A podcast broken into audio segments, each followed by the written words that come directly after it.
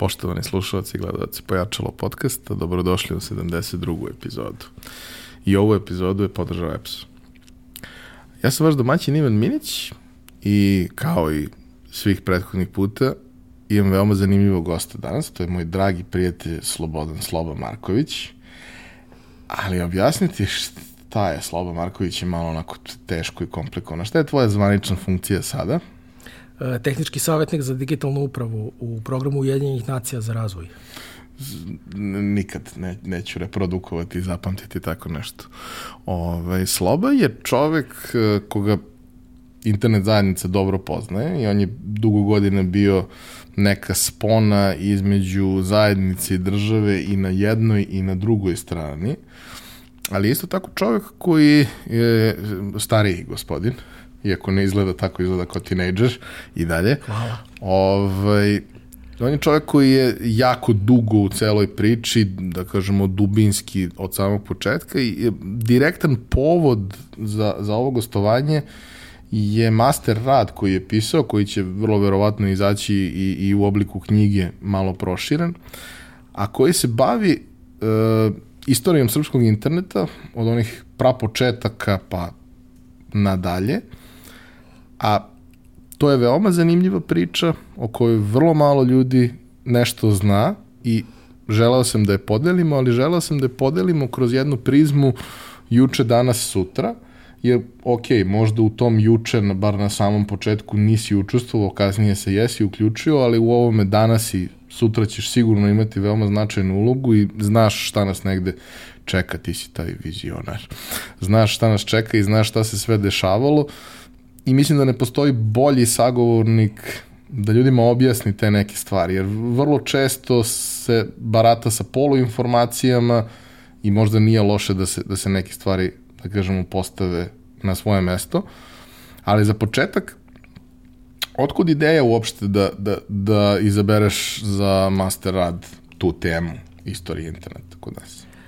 Mastera se zapravo bavi pred istorijom interneta, znači razvojem računarskih mreža na području uh, bivše Jugoslavije, Savezne republike Jugoslavije i Srbije, je li to čak tri države pokriva ovaj, u periodu od nekih 70. godina do 96. Znači, rad se završava zapravo dolaskom interneta i prvom godinom interneta u Srbiji i to je jedan period u kome sam i delimično i ja učestvovao kao srednjoškolac tamo ovaj, početkom i sredinom 90-ih ali 2016. kad sam završavao master na Fakultetu za medije i komunikacije, e, to je master iz teorije medija, um, i digitalnih umetnosti. Pričao sam sa mentorom svojim Novicom Ilićem, koji je uh, sticam okolnosti takođe bivši sezamovac i jedan od aktera tih događaja. I uh, pitao sam ga, razmatrali smo koje bi teme mogao da uzem za, za master i kaže on, slušaj, Znači, možeš ti sad da napišeš neki, neki rad iz te oblasti teorije medija, ali šteta da ne iskoristiš tu poziciju koju imaš, uh, zato što si proživeo sve to, poznaješ ljude koji su dovodili internet u, u Srbiju i imaš tehničko razumevanje te teme. Tako da ovaj, bilo bi šteta da ne iskoristiš tu poziciju, da napraviš jedno originalno istraživanje jer zaista je situacija bila takva da smo imali vrlo mali broj uh, tekstova na tu temu, uopšte imali smo, imamo i, i još uvek mnogo fragmenata na tu temu, uh, novinskih članaka, nekih uh, fragmentiranih ovaj, tekstova, kako su se ne, neke stvari dešavale ali nemamo ništa objedinjeno. Tako da je ovaj, to meni delovalo sjajno, što više te godine uh, 2000 16. kad smo mi to pričali je bilo 20 godina dolaska interneta u Srbiju, tako da je ovaj, bila neka godišnjica, da tako kažem. Um, pro, prošle godine je internet jeli, na svetskom nivou d, d, ovaj, obeležio 50. rođendan, tako da ovaj, mo, vreme je da se počne da se razmišlja o nekoj istoriji svega toga. I ovaj, činilo mi se kao veoma zanimljiva ideja, tako da sam se ovaj, bacio u sve to. Šta su prapočeci, odnosno kako počinje ta priča? Na globalu najčešće to ima veze ili sa akademijom ili sa vojskom. Kako je kod nas to izgledalo? E, pa ajde da ti prvo kažem, možda je to zanimljivo e, kako sam uopšte krenuo da se bavim ovom temom. veliki je problem bio, ja sam naravno poznavao te najveći deo aktera koji su učestvovali direktno u tome i krenuo sam pravim spisak ljudi s kojima bih napravio intervju. Uh, imao sam i pristup uh, online uh, skeniranim časopisima, znači računarska periodika iz perioda 80-ih uh, i 90-ih godina. Ovo je jedan sjajni slovenački sajt na kome mogu da se nađu skenirani časopisi iz tog vremena. Neke stvari sam i preko Google uspeo da nađem, to isto nije bilo sporno. Međutim, ogroman problem je u tome što primarni izvori iz tog vremena, znači forumi, serveri, IRC kanali i tako dalje, apsolutno ne postoje. Znači oni su zaboravljeni, isključeni, nisu backupovani i potpuno su nestali. Čak ne mogu da se nađu preko Google-a. Google je krenuo radi 99. godine i ako nam to deluje sada da postoji od kad smo svi mi tu, ali nije. Znači pre 99. ništa nije indeksirao. Uh, uh, internet arhiva archive.org je krenula da radi 96. Tako da ovaj, ništa ni pre 96. godine web se nije arhivirao. Šta više, sam web je uh, nastao tamo negde početkom 90-ih, znači sve što se dešavalo tokom 80-ih i 70-ih uh, nije lako dostupno i uh, imao sam veliki problem ne samo da nađem uh, autentične dokumente iz tog vremena, nego sam imao problemi sa povezivanjem sve toga u jednu hronološku celinu. Jer kad pričaš sa ljudima iz tog vremena i o tom vremenu, već je memorija izgledala. Znači, ne znam, kaže, kao kad se to dogodilo, pa ne znam da li je bilo 93. ili 96. ja rekao, dobro, pa kao kad se desilo? Pa ne znam. I ovaj, mislim da je veliki, da je, da je veliki proboj tu nastao kad je u stvari, kad sam pričao sa Dejanom Ristanovićem, ovaj, koji je osnovao Sezon BBS i ovaj, on mi je zapravo rekao da Sezon BBS na moje veliko zaprepašćenje još uvek je tad radio, znači bio je funkcionalan na nekim virtualnim mašinama. On mi je otkrio kako mogu da preko neke SMS šeme uplatim vreme na tom Sezamu i da se ulogujem na njega. I ovaj, onda sam tako 2016. ili početkom 2017. u stvari su ulogovo na Sezam sam, onako ono, brod duhova, na kome Sezam u zlatno doba, tu su bile na desetine ljudi online i pričali i četovali i tako dalje. Ja sam bio sam tada na njemu i uh, krenuo sam da pretražujem forume. I sad to je isto zanimljiva stvar. Uh, moj prvi upit na Sezamu je bio uh, hoću da vidim u svim forumima, znači pokaži mi sve poruke na svim forumima gde se pominje sledeća reč. I uh, kad sam lupio enter, taj upit je trajao dobrih 4 do 6 sati. I onda je naravno svanulo mi je da nas je jeli, Google sve iskvario i da mi sad očekujemo, unesemo nešto i dobijemo odmah, to tako ne ide. I onda sam ovaj, morao da se vratim unazad i da, kako se to radilo pre 20 godina.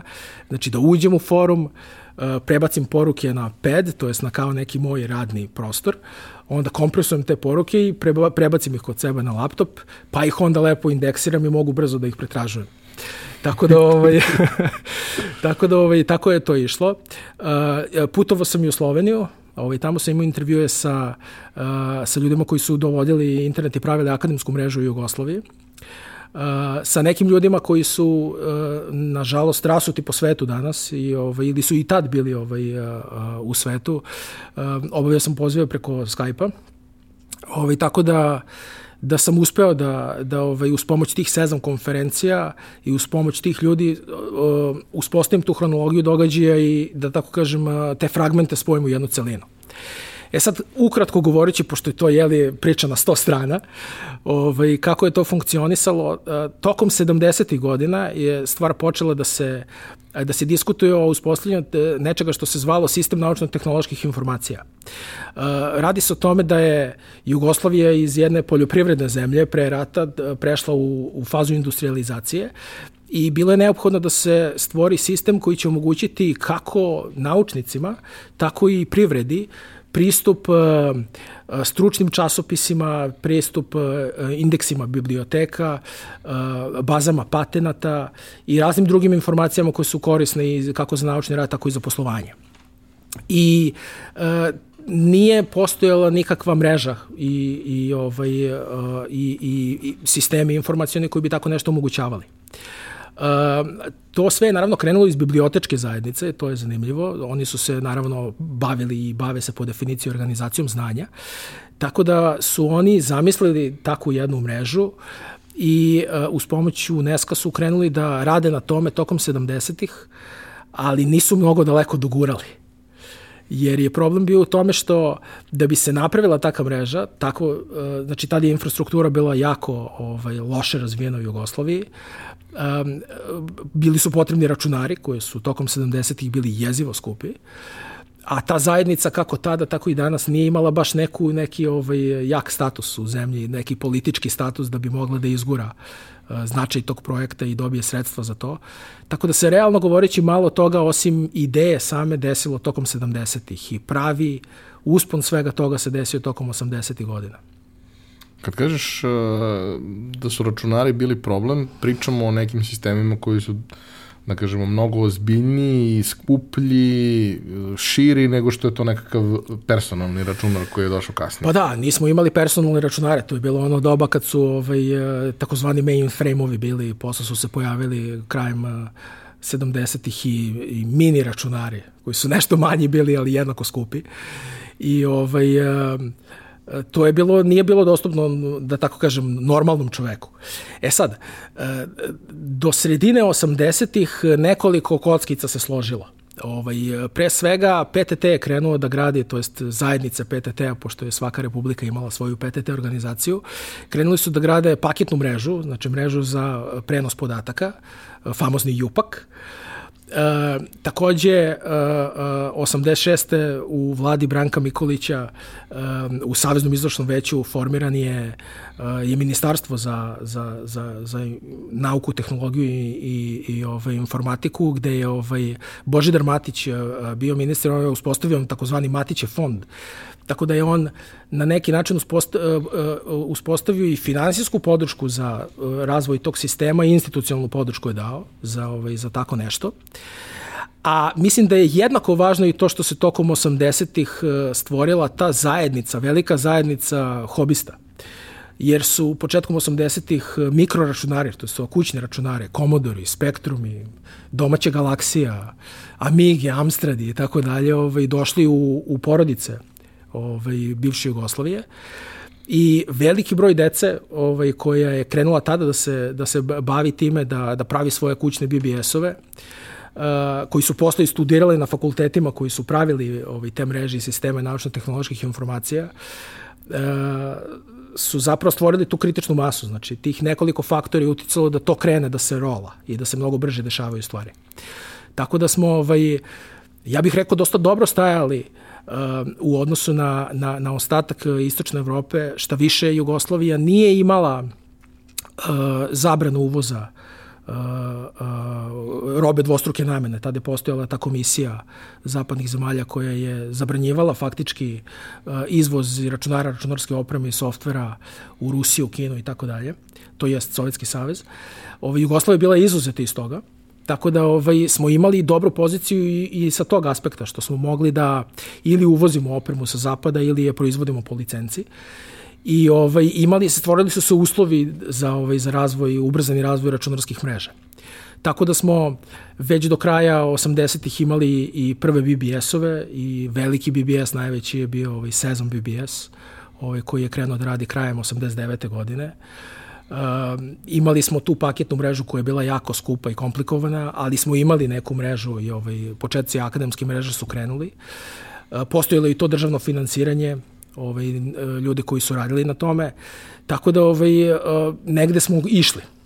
I onda je došao naravno ovaj 90. rat, sankcije i, i, i sve su to ovaj, na neki način dosta, dosta je to preseklo i dosta je, uh, dosta, dosta je loše to se odvijelo na dalje 90. godina. Kada kažeš da je dakle, formirala se neka kritična masa i znanja i resursa i tehnologije i išlo se u nekom dobrom smeru, a, koliko e, je to u tom periodu uopšte imalo dodira sa nekom privredom, sa nečim tog tipa, koliko je uopšte postojala svest o tome, jer ovde u principu pričamo o entuzijastima i pričamo o ljudima koji su, da kažemo, u akademiji i u nauci. A da bi se to zaista razvijalo, da bi zaista imalo značaj, na neki način mora da se nakači na, na, na privredu da bi, da bi funkcionisao. Pa to je bilo jedno drugo vreme. To je bilo jedno vreme u kome si ti imao državni monopol u oblasti telekomunikacija i to ti je bilo sve što mi si mogao da raspolažeš. Tako da je dosta zavisilo od PTT-a i ovaj, a, mogućnosti da ti oni izađu u susret i naravno nije svako mogo da priušti to. Ovaj, to je bilo dosta skupo, tako da je to razlog bio zašto je ovaj, akademska sredina gurala te stvari, jer je mogla da dobije državno finansiranje za to. Um, sama privreda se u to u, imala je neku svoju ulogu, na primer uh, u izradi tih računara, mikroračunara koji su se ovaj proizvodili ovaj u zemlji i tako dalje. Ali to sve je bilo da tako kažem na na niskim granama.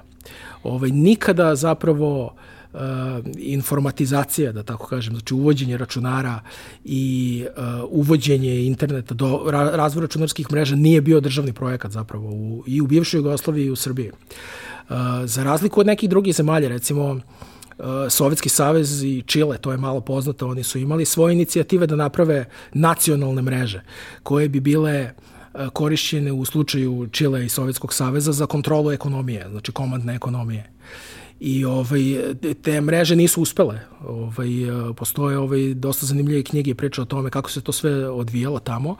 Nisu, nažalost, uspeli u tome, ali postojala je državna inicijativa i to je bio državni projekat da se to sagradi. U Americi je sa druge strane internet krenuo tamo krajem 60-ih, 69. godine, što je bio projekat koji je direktno finansirala vojska, znači ovaj, agencija za napredne istraživanja. Tako da je to bio jedan apsolutno onako državni projekat koji, u kome jesu glavnu ulogu igrale um, akademske institucije, ali vrlo jaku ulogu imala i ovaj, privreda na njihova i, i, ovaj, i, i, i vojska i država.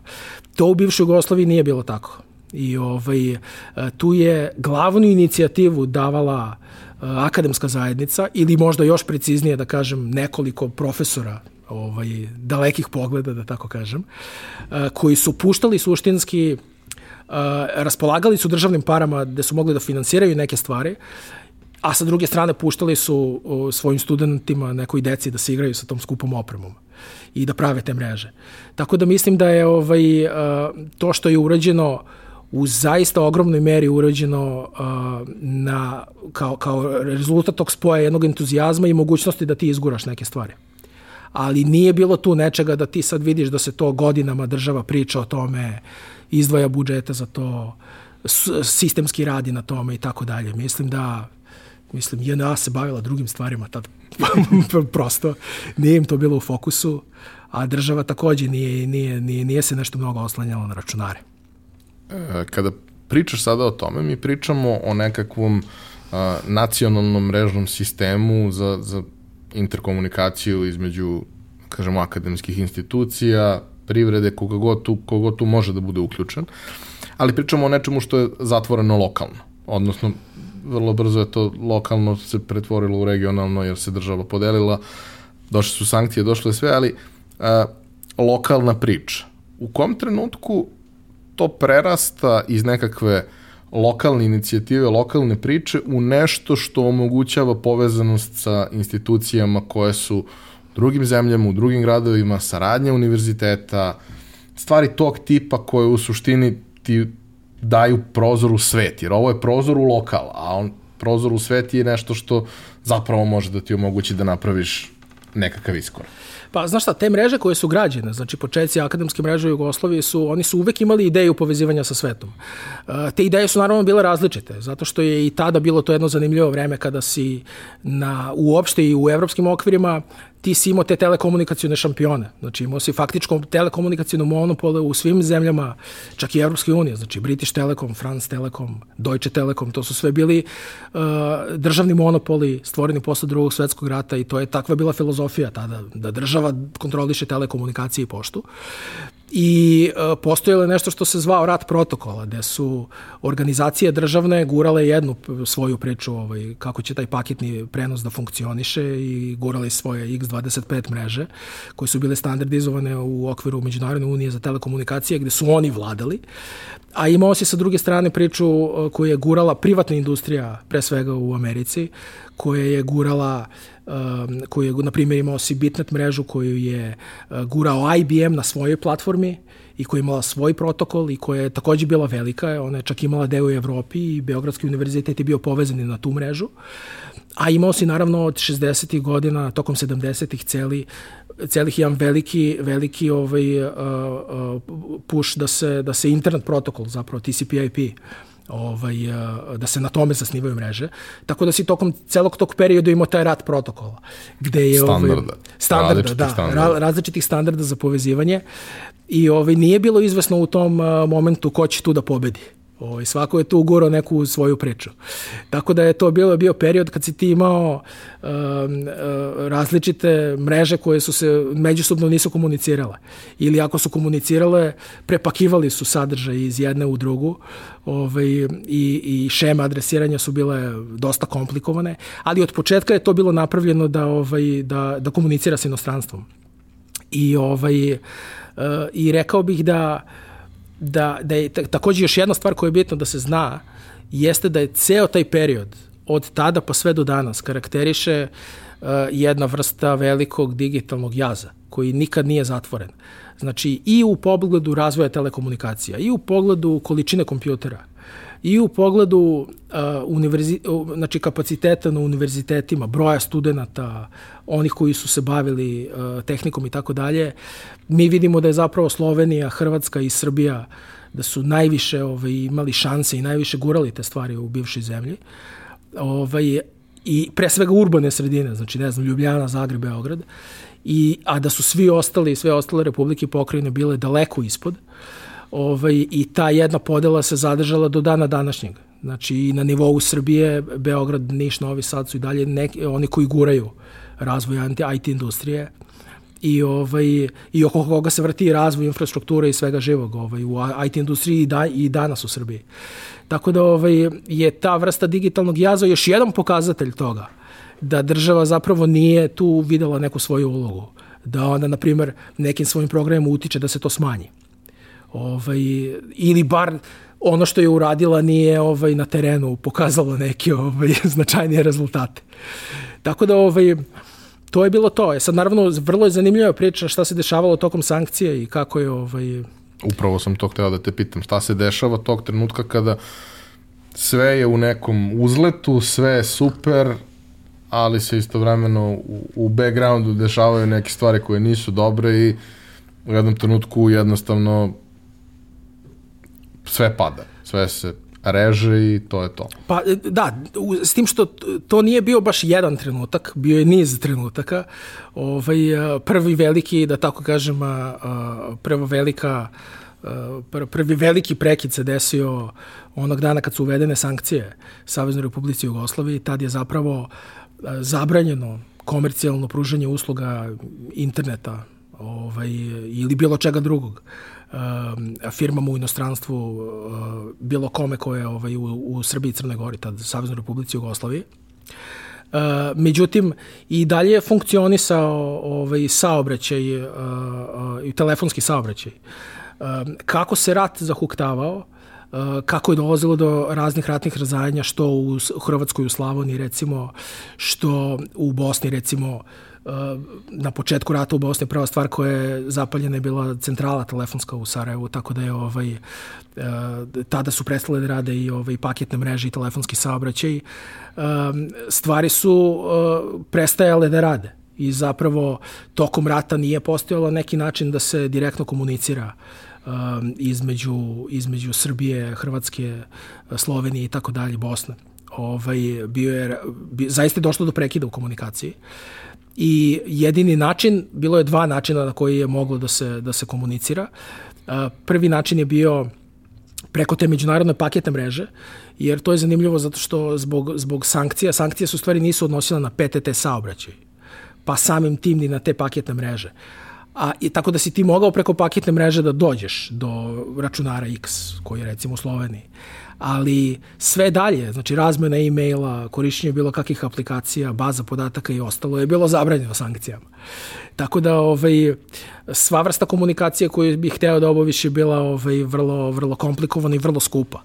Drugi način je bio da, da zoveš telefonom, znači ne koristiš paketnu mrežu, nego da zoveš, ne znam, neki BBS u Americi ili u Nemačkoj, koji opet ima neki pristup paketnoj mreži ili neki, na neki drugi način može da dođe do nekog u Sloveniji Hrvatskoj, što je opet bilo jezivo ovaj, skupo. Tako da de facto nije bilo načina da se ovaj, razmenjuje ne jeftini pristupačan način Eh, elektronska pošta, što je tad bio jeli, glavni internet servis, web još nije postojao.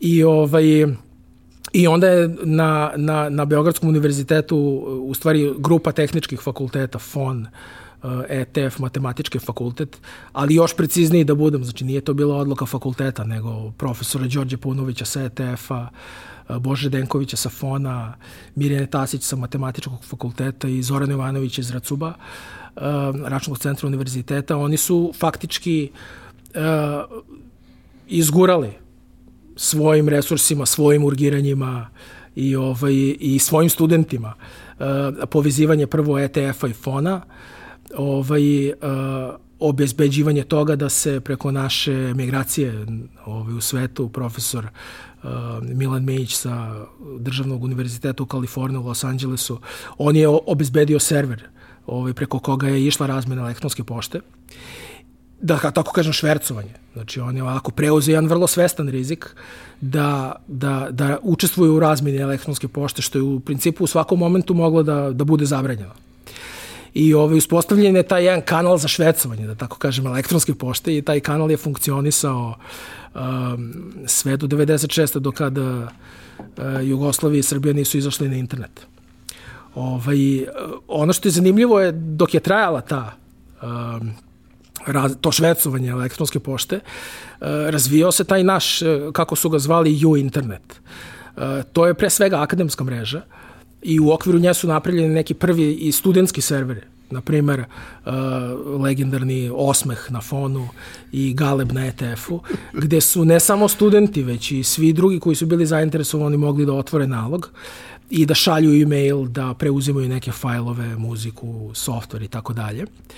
Um, ali u ta mreža je onda poslužila kao kičma, da tako kažem, i za povezivanje drugih institucija. Na primjer, BBS mreža, kao što je bio Setnet, um, na uh, drugih organizacija, kao što je recimo bio B92, Uh, nekih firmi koje su proizvodile hardveri koji su bile povezane sa tim univerzitetima kao što je ne znam bio Institut Intel ili Emer Systems i tako dalje. Tako da ovaj, krenulo je da se stvara to jezgro ovaj, onoga što ćemo zvati internet. I, uh, i, i, ali sve vreme ovo o kome mi pričamo, tu se radi na vrhuncu, znači akademske mreže 96. godine, neposredno pre nego što je došao internet, mi pričamo o maksimalnih, ne znam, 3 do 5 hiljada ljudi koji su to koristili. Znači, to je ovaj, jedan veoma mali broj. A, u nekom trenutku, a, krajem 80-ih, kreće priča sa nacionalnim domenima. I, ok, ne znam, prvi kom je registrovan 85. kad sam ja rođen, kako beše, sim bio, sim uh, nešto, sim, symbolical ili tako nešto.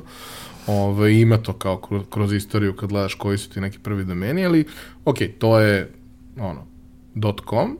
Kreće neka priča sa uh, lokalnim domenima. Još uvek ti nemaš web i nemaš neke adrese kojima pristupaš iz brauzera, ne postoje brauzer, ne postoji ništa, ali to je deo te infrastrukture koja se razvija. I uh, dodeljivanje toga najčešće upravo ide kroz nekakav akademski sistem.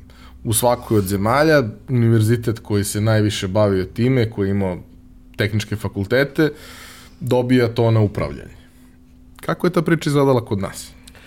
Uh, kao što sam rekao, uh, krajem 80. godina je već postojala uh, različita, različiti, neki oblik umrežavanja i neki oblik, da tako kažem, početaka akademske mreže bivše Jugoslavije. Ona je u Beogradu recimo bila povezana na Bitnet i bila je bazirana pre svega na IBM-ovoj tehnologiji. u Sloveniji je ona bila bazirana na digitalovoj tehnologiji, znači ovaj, zvala se Deknet mreža takozvana. Ovaj, I uh, Uh, i, i te mreže su u krajnjoj liniji komunicirale preko paketne mreže ovaj, uh, preko Jupaka, ali uh, nije još uvek bio prisutan internet protokol koji je bio korišćen, koji je bio korišćen za povezivanje. I uh, Borka Jerman Blažić sa instituta Jožef Štefan u Ljubljani, u Mariboru, je ovaj, um, ali je tu naravno bio i Univerzitet u Ljubljani isto aktivan. Um, uh, oni su pokrenuli preču uvođenja uh, TCP/IP familije protokola. Uh, Borka Jerman Blažić je bila jedna od onih koja je zaista verovala u to i duboko gurala to tu priču. I mislim, taj Maribor tu odme Austrije, nešto je bliže nego... Ove, nego... One, znači, da, kak, tad je dosta bilo, kažem, i u Evropi, dosta su jaki bili ti nacionalni monopoli i e, tada kada biste se pojavili rekli u Evropi posebno e, ja mislim da će internet i TCP/IP da bude budućnost povezivanja mislim gledali bi vas kao neozbiljno Tako da ovaj tako da je mislim da je ovaj Borka ovaj bila jedna od tih eh, Mira Tasić u Srbiji takođe koja je verovala u, u, u taj protokol pre svega zbog njegove jednostavnosti jednostavnosti primene i, i, i činjenice da on nije baziran ni na jednom konkretnom proizvodu, nije vezan za ni, ni nije za jednog, Da, nije vezan za nekog konkretnog proizvođača opreme. Ovaj, tako da eh, su oni napravili, eh, podigli su nekoliko servera koji su radili sa, ja mislim da su to bile sanove mašine, podigli su u Ljubljani i u Mariboru prve servere koji su funkcionisali preko TCP/IP protokola i naravno trebala im je numeracija, jer svaki uređaj povezan internet mora da ima svoj IP broj. Uh, I uh, Borka je ta tražila ovaj, uh, uh, opsege tih IP brojeva, dobila ih je. Uh, takođe, Kao što svi znamo, od 84. godine krenuo je DNS sistem koji omogućava prevođenje tih brojeva u nazive domena i uh, Jugoslavija je bila, ako se dobro sećam, uh, 33. zemlja koja je dobila U domen 89. godine, upravo za potrebe tog povezivanja, ali taj domen zaista nije bio nešto mnogo korišćen. Znači, tu je postojalo od 89. do momenta raspada Jugoslavije, da li je tu postojalo 10 ili 15 domena koji su bile registrovani. Pre svega je to bilo korišćeno za razmenu e-maila, za ovaj institut Jožef Štefan je držao taj server za razmenu maila i, uh, i, i bila je jedna zajednica korisnika ovaj, Unix, koris, korisnika Unixa, zajednica korisnika Unixa ovaj, koja se zvala EUNET i oni su razmenjivali poštu preko USCP protokola. Oni su takođe bile jedna od tih malih zajednica, ovaj, hobista, koji su došli u jednom momentu, razvili su se i rekli, je, nama treba nama trebaju e-mail adrese, hoćemo da razmenjujemo poštu preko internet, interneta.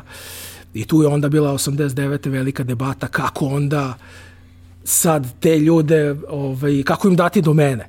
Da li uopšte, pošto su tu je bilo i komercijalnih uh, kompanija, par ih je bilo uh, neko ko nema veze sa akademskom mrežom. Da li smemo da im damo domen, da li da im damo domen u okviru U domena ili da napravimo od soju, orgiju i tako dalje. Tako da je ovaj, tada je odlučeno da im se ipak otvore domene, tako da ja mislim da su oni, osim akademske mreže, oni su bili jedini koji su imali tu domene uopšte u U dok je bila bivša Jugoslavija. I internet se generalno, to je TCP/IP mreže su generalno bile slabo zastupljene. Glavni razvoj TCP/IP mreže u stvari dolazi posle raspada, tamo negde od ovaj, 90. godina i to je slučaj ne samo u Srbiji, nego i u svim ovaj, zemljama bivše Jugoslavije ovaj, gde se sve te nove mreže koje se grade baziraju na, na TCP/IP protokolu. Znači i ovo što je rađeno ovaj, u Srbiji tokom sankcija, je takođe bila mreža koja je bazirana na TCP/IP protokolu i ono što je moj jedan veliki utisak iz svega toga, naročito to što je razvijano tokom sankcija, je da je to bila jedna stvar koja nas je apsolutno držala u korak sa svetom. I e, onog momenta kad su ukinute sankcije posle Dejtonskog sporazuma i kad internet došao u Jugoslaviju i u Srbiju, Uh, istog momenta je ta mreža u stvari mogla da počne da radi bez neke rekonfiguracije velike. Uh, I tako da je internet bio stvar koja nas je zaista održavala ne samo u, u, u, u vezi sa svetom, nego je nivo razvoja bio, da tako kažem, svetski. I uh, to je jedna od oblasti koja, uh, za razliku od mnogih drugih tokom sankcija, koje su pale i više se nikad nisu oporavile. Nikad, na primjer, nisu došle na nivo od pre rata. Ovo, ovo je bila jedna od stvari, jedna od oblasti koja je bila potpuno drugačija I ovaj, to je jedno, jedno veliko postignuće ovaj, cele te zajednice, što su uspeli da zapravo ovaj, sagrade jednu mrežu i da, da, da sačuvaju to i da nam daju odličnu poziciju za, ovaj, za ono što u krajnjoj liniji imamo i danas. A kako je Ju stigao iz Slovenije kod nas? E pa da. Uh, kada se zemlja raspala, taj U domen je, je li ostao u Sloveniji. I uh, Slovenci su uh, napravili, bili, to je ono što nisam rekao, oni su napravili jednu organizaciju koja se zva UNAC, to jest uh, uh, Jugoslovenska akademska mreža, koja je bila organizacija koja je bila, bilo, bilo je osmišljeno da ona upravlja uh, registracijom domena i uopšte da se bavi razvojem akademske mreže u Jugoslaviji. Ali pošto je ovaj, i domen sam dobijen uh, par godina, jedva par godina, godinu i po dana pre, ovaj, pre raspada zemlje, uh, nije zapravo zaživelo to do kraja ali je domen ostao, znači bio je registrovan na, na, ovaj, na institut Jožef Stefan i administrativni kontakt je bila, ovaj, ako se dobro sećam, Borka Erman Blažić. Um, on je ostao i mi nismo mogli koristiti u domene. Ovaj, uh, zato su, zato je Mira Tasić i Boža Zadenković pre svega su pokrenuli tu priču da se taj domen vrati uh, uh, Saveznoj Republike Jugoslavije tada i 90, krajem 93. su oni ovaj, pisali Johnu Postelu. John Postel je bio radio na institutu uh, za informacijone nauke u Kaliforniji i bio je jedan od tih da tako kažem, hipika, jedan od tih ljudi koji u tehničkom smislu uh, upravljao ovaj, tim uh, internet adresiranjem, dodalom tih internet brojeva i uh, domena. I on je bio taj IANA, to jest Internet Assigned Numbers Authority. To je bio on. Nije bilo institucije. Tako da je ona pisala njemu, ovaj, pisala i Network Solutionsu isto, ovaj, koji je ovaj, tehnički određivao posao ovaj, koji je John naredio. Ovaj, i uh, tražili su da se domen dodeli Saveznoj Republici Jugoslaviju, pošto Slovenija umeđu vremenu dobila svoj C domen. Ovaj, ti domeni se inače dodeljuju po tom ISO standardu ovaj, 3166 I, um, I uslov tada koji je John, pošto i on imao isti problem, svi su mu tražili do mene, a on nije imao nikakva pravila i onda je on napravio neki kao svoj pravilnik kako će da radim to. Prema tim pravilima koje su tad konsenzusom usvojena, uh, uh, ključni uslov je bio da zapravo administrator domena mora bude u zemlji ovaj, u kojoj se nalazi domen. Tako da, jako su se Slovenci nudili da i dalje uslužno za, za Jugoslaviju održavaju taj domen, uh, pali su na tom uslovu, nisu bili u Saveznoj Republici Jugoslavije. I ovaj, onda John Postel tražio mire ovaj, ajde, dajte nam adrese DNS servera gde hoćete da stavite taj domen i ovaj, onda je postalo jasno da je to tehničko pitanje. Tako da ovaj, 94. je došlo do vraćanja tog domena. Bio je jedan prelazni uslov, domen, domen mail, mail.ju je još neki godinu dana upućivao na Sloveniju, ovaj, kako razmena maila bi, ovaj, im se ne bi prekinula, ali ovaj, ali generalno domen je bio prenesen na ovaj na na Miro Tasić na tu grupu na Beogradskom univerzitetu. Ali naravno i oni su imali suočili su se sa istim problemom. Znači Um, taj domen i te domene je opet neko treba da održava. I ovaj, razni ljudi su se javljali da, da dobiju svoj domen. Recimo, e, tamo negde 95. godine, ako se dobro sećam, formirane je Juka, prva asocijacija korisnika uh, interneta, i oni su došli i rekli mi hoćemo domen. I sad, kao, pa vi ne možete dobijete domen zato što ste organizacija. Mi za, za početak nemamo uh, org.u domen. ovaj, a da vas stavimo sad u, ne znam, COJU, niste firma, mislim, da vas stavimo u okviru ju, ne može. Ovaj, tako da je bila ovaj, na tim BBS-ovima se baš onako um, i na Sezamu isto rasplomcala velika diskusija i pale su i teške reči isto. ovaj, ovaj, to je vrlo bitno znati, znači, tokom celog tog perioda 80. godina e, BBS-ovi su zapravo te grupe korisnika kućnih koji su pravili te ovaj, uh, bordove za razmenu poruka i komunikaciju, oni su bili zapravo najmasovniji. I ovaj, to su bila glavna mesta, to je bio mainstream kao društvene mreže danas. I tu su se ljudi okupljali da diskutuju nešto, ako hoće da diskutuju. Tako da, ovaj, pale su teške reči i ovaj, na kraju im je, su im dali Coju domen, Juka Coju, ali, ovaj, ali je ostalo to pitanje ko može da dobije domen. I ta ekipa iz akademske zajednice prosto nikad nije osjećala, veliki to teret bio na njima u neku ruku, i nikad nije osjećala se pozvanim i nadležnim da oni sad tu arbitriraju. Ali, nažalost, morali su. Kad je internet došao, ljudi, svi su po, pojurili, rekli su dajte domene, evo sad imamo i firme, internet provajdere, Eunet je recimo došao 96. godine i rekao mi ćemo budemo prvi internet provider. Ugostit ćemo e, DNS server glavni za, za U-domen u Srbiji, ali dajte nam U-domen. I sad to je bila previše dobra ponuda da se, ovaj, da se ne prihvati. Ali ako si sad dao Eunetu U-domen, moraš da daš i Beotelu, koji je doveo ovaj, internet zapravo prvi akademskoj mreži 96. godine. Uh, Pa su onda iz toga izveli pravilo da u stvari internet provajderi mogu dobiju i domen ali ovaj, ta pravila su, tako kažem, rađena u hodu i veliki bio problem što zapravo krajnji korisnici nisu mogli da dobiju domen sve dok nije formiran registar nacionalnog internet domena RNIC i dok nije počela registracija uh, RS domena 2008. godine. Znači, fizičko lice nije moglo da dobije, građani nisu mogli da dobiju domen svoj. Bez da se dovijaju... Bez da se dovijaju i tako dalje, da. A trebao ti je papir nekakvog pravnog lica, pa onda ideš kod nekog ko ima firmu, a ne treba mu i kažeš, meni bi trebalo. Pa jeste, znači, ovaj, ili... Ali sve to funkcionisalo da. potpuno na, na, na nekom entuzijazmu, na nekom volonterskom da, apsolutno. momentu. Uh, ono što je meni bilo zanimljivo, ja sam pitao ovaj, Miša Ivkovića, koji je bio tada uh, tokom 90-ih uh, pomoćnik ministra za nauku, pitao sam ga na temu finansiranja, kako je funkcionisalo to. I ovaj, zapravo država jeste pokrivala te račune. Uh, neke od tih računa koji su vezani za akademsku mrežu. Um, ti, uh, uh postojali su ti kao, ne znam kako se zovu sad, stao mi mozak, ali da tako kažem, komiteti koji su odlučivali o tome uh, koji pro, projekti u oblasti nauke će biti finansirani. Pa to onda uđe u, u ovaj budžet Ministarstva nauke, pa se onda tako finansira ovaj, uh, državni univerziteti i ovaj, projekti na njima. Uh, I jedan od tih projekta je bio vezan za razvoj akademske mreže i tako su razni univerziteti u Beogradu i Nišu, Novom Sadu i tako dalje kandidovali svoje projekte i dobijali sredstva. Uh, ali tu je bilo mnogo rupa. Nije moglo to, nije to bilo nešto posebno izdašno. Uh, na primer, uh, ti si morao uh, sa jedne strane da se prijaviš kod države za finansiranje, da ti država obezbedne, na primjer, troškove komunikacija, povezivanje na, na internet i troškove tog interneta, ali, na primjer, država nije mogla da ti pokrije, šta znam, plate ljudi koji će to da održavaju.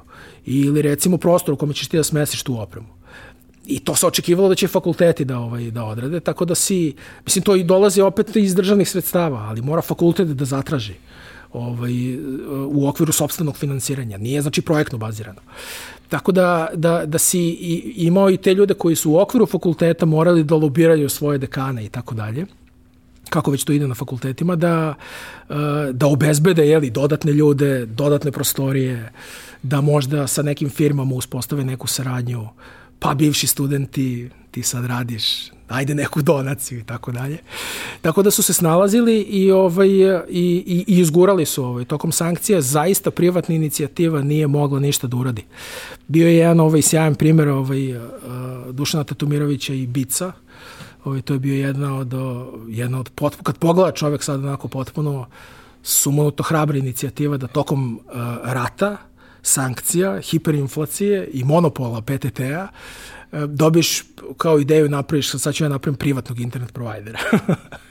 Tako da je ovaj, ovaj, oni su na kraju uspeli, nešto su, ovaj, nisu na, nažalost bili ti koji su doveli internet u Jugoslaviju, ali ovaj, sama ideja da u to vreme kao pokreneš privatni biznis u oblasti interneta bila onako dosta teška. I ceo zaključak tog vremena, jedan od tih zaključaka za mene je bar bio koliko je cela ta ekipa bila onako prokleto uporna. Ovaj, I ne samo ta ekipa koja je bila ovaj, na univerzitetu, ne samo ti studenti koji su morali da zapravo izguraju da, te, eh, da, te, da ti servisi funkcionišu, ovaj, čisto da podsjetim, znači nije bilo Google-a. Ti si mogao da preuzmeš neki softver, morao si da ga rekompajleraš da on funkcioniše na tvoje platformi, pošto si imao neki, nek, neko džubre, mislim, od 286 računara. I morao si da rekompajleraš to da funkcioniše na tvojoj mašini, znači tebi ne radi taj softver, dobiš neku grešku, nemaš Google sad uzmiš i da kao, ne znam, Stack Overflow, sad ću kao saznam odmah šta je problem. Ovaj, znači, svi su se onako maksimalno mučili i, ovaj, i, i, i pokušavali su da urade maksimalno što su mogli u tim uslovima, tako da je ta jedna vrsta istrajnosti uprko svim izazovima jedna stvar koja mi je zaista fascinantna, posebno kad vidimo danas, mislim kako ljudi kukaju i zasta kukaju. I tako je cela priča počela.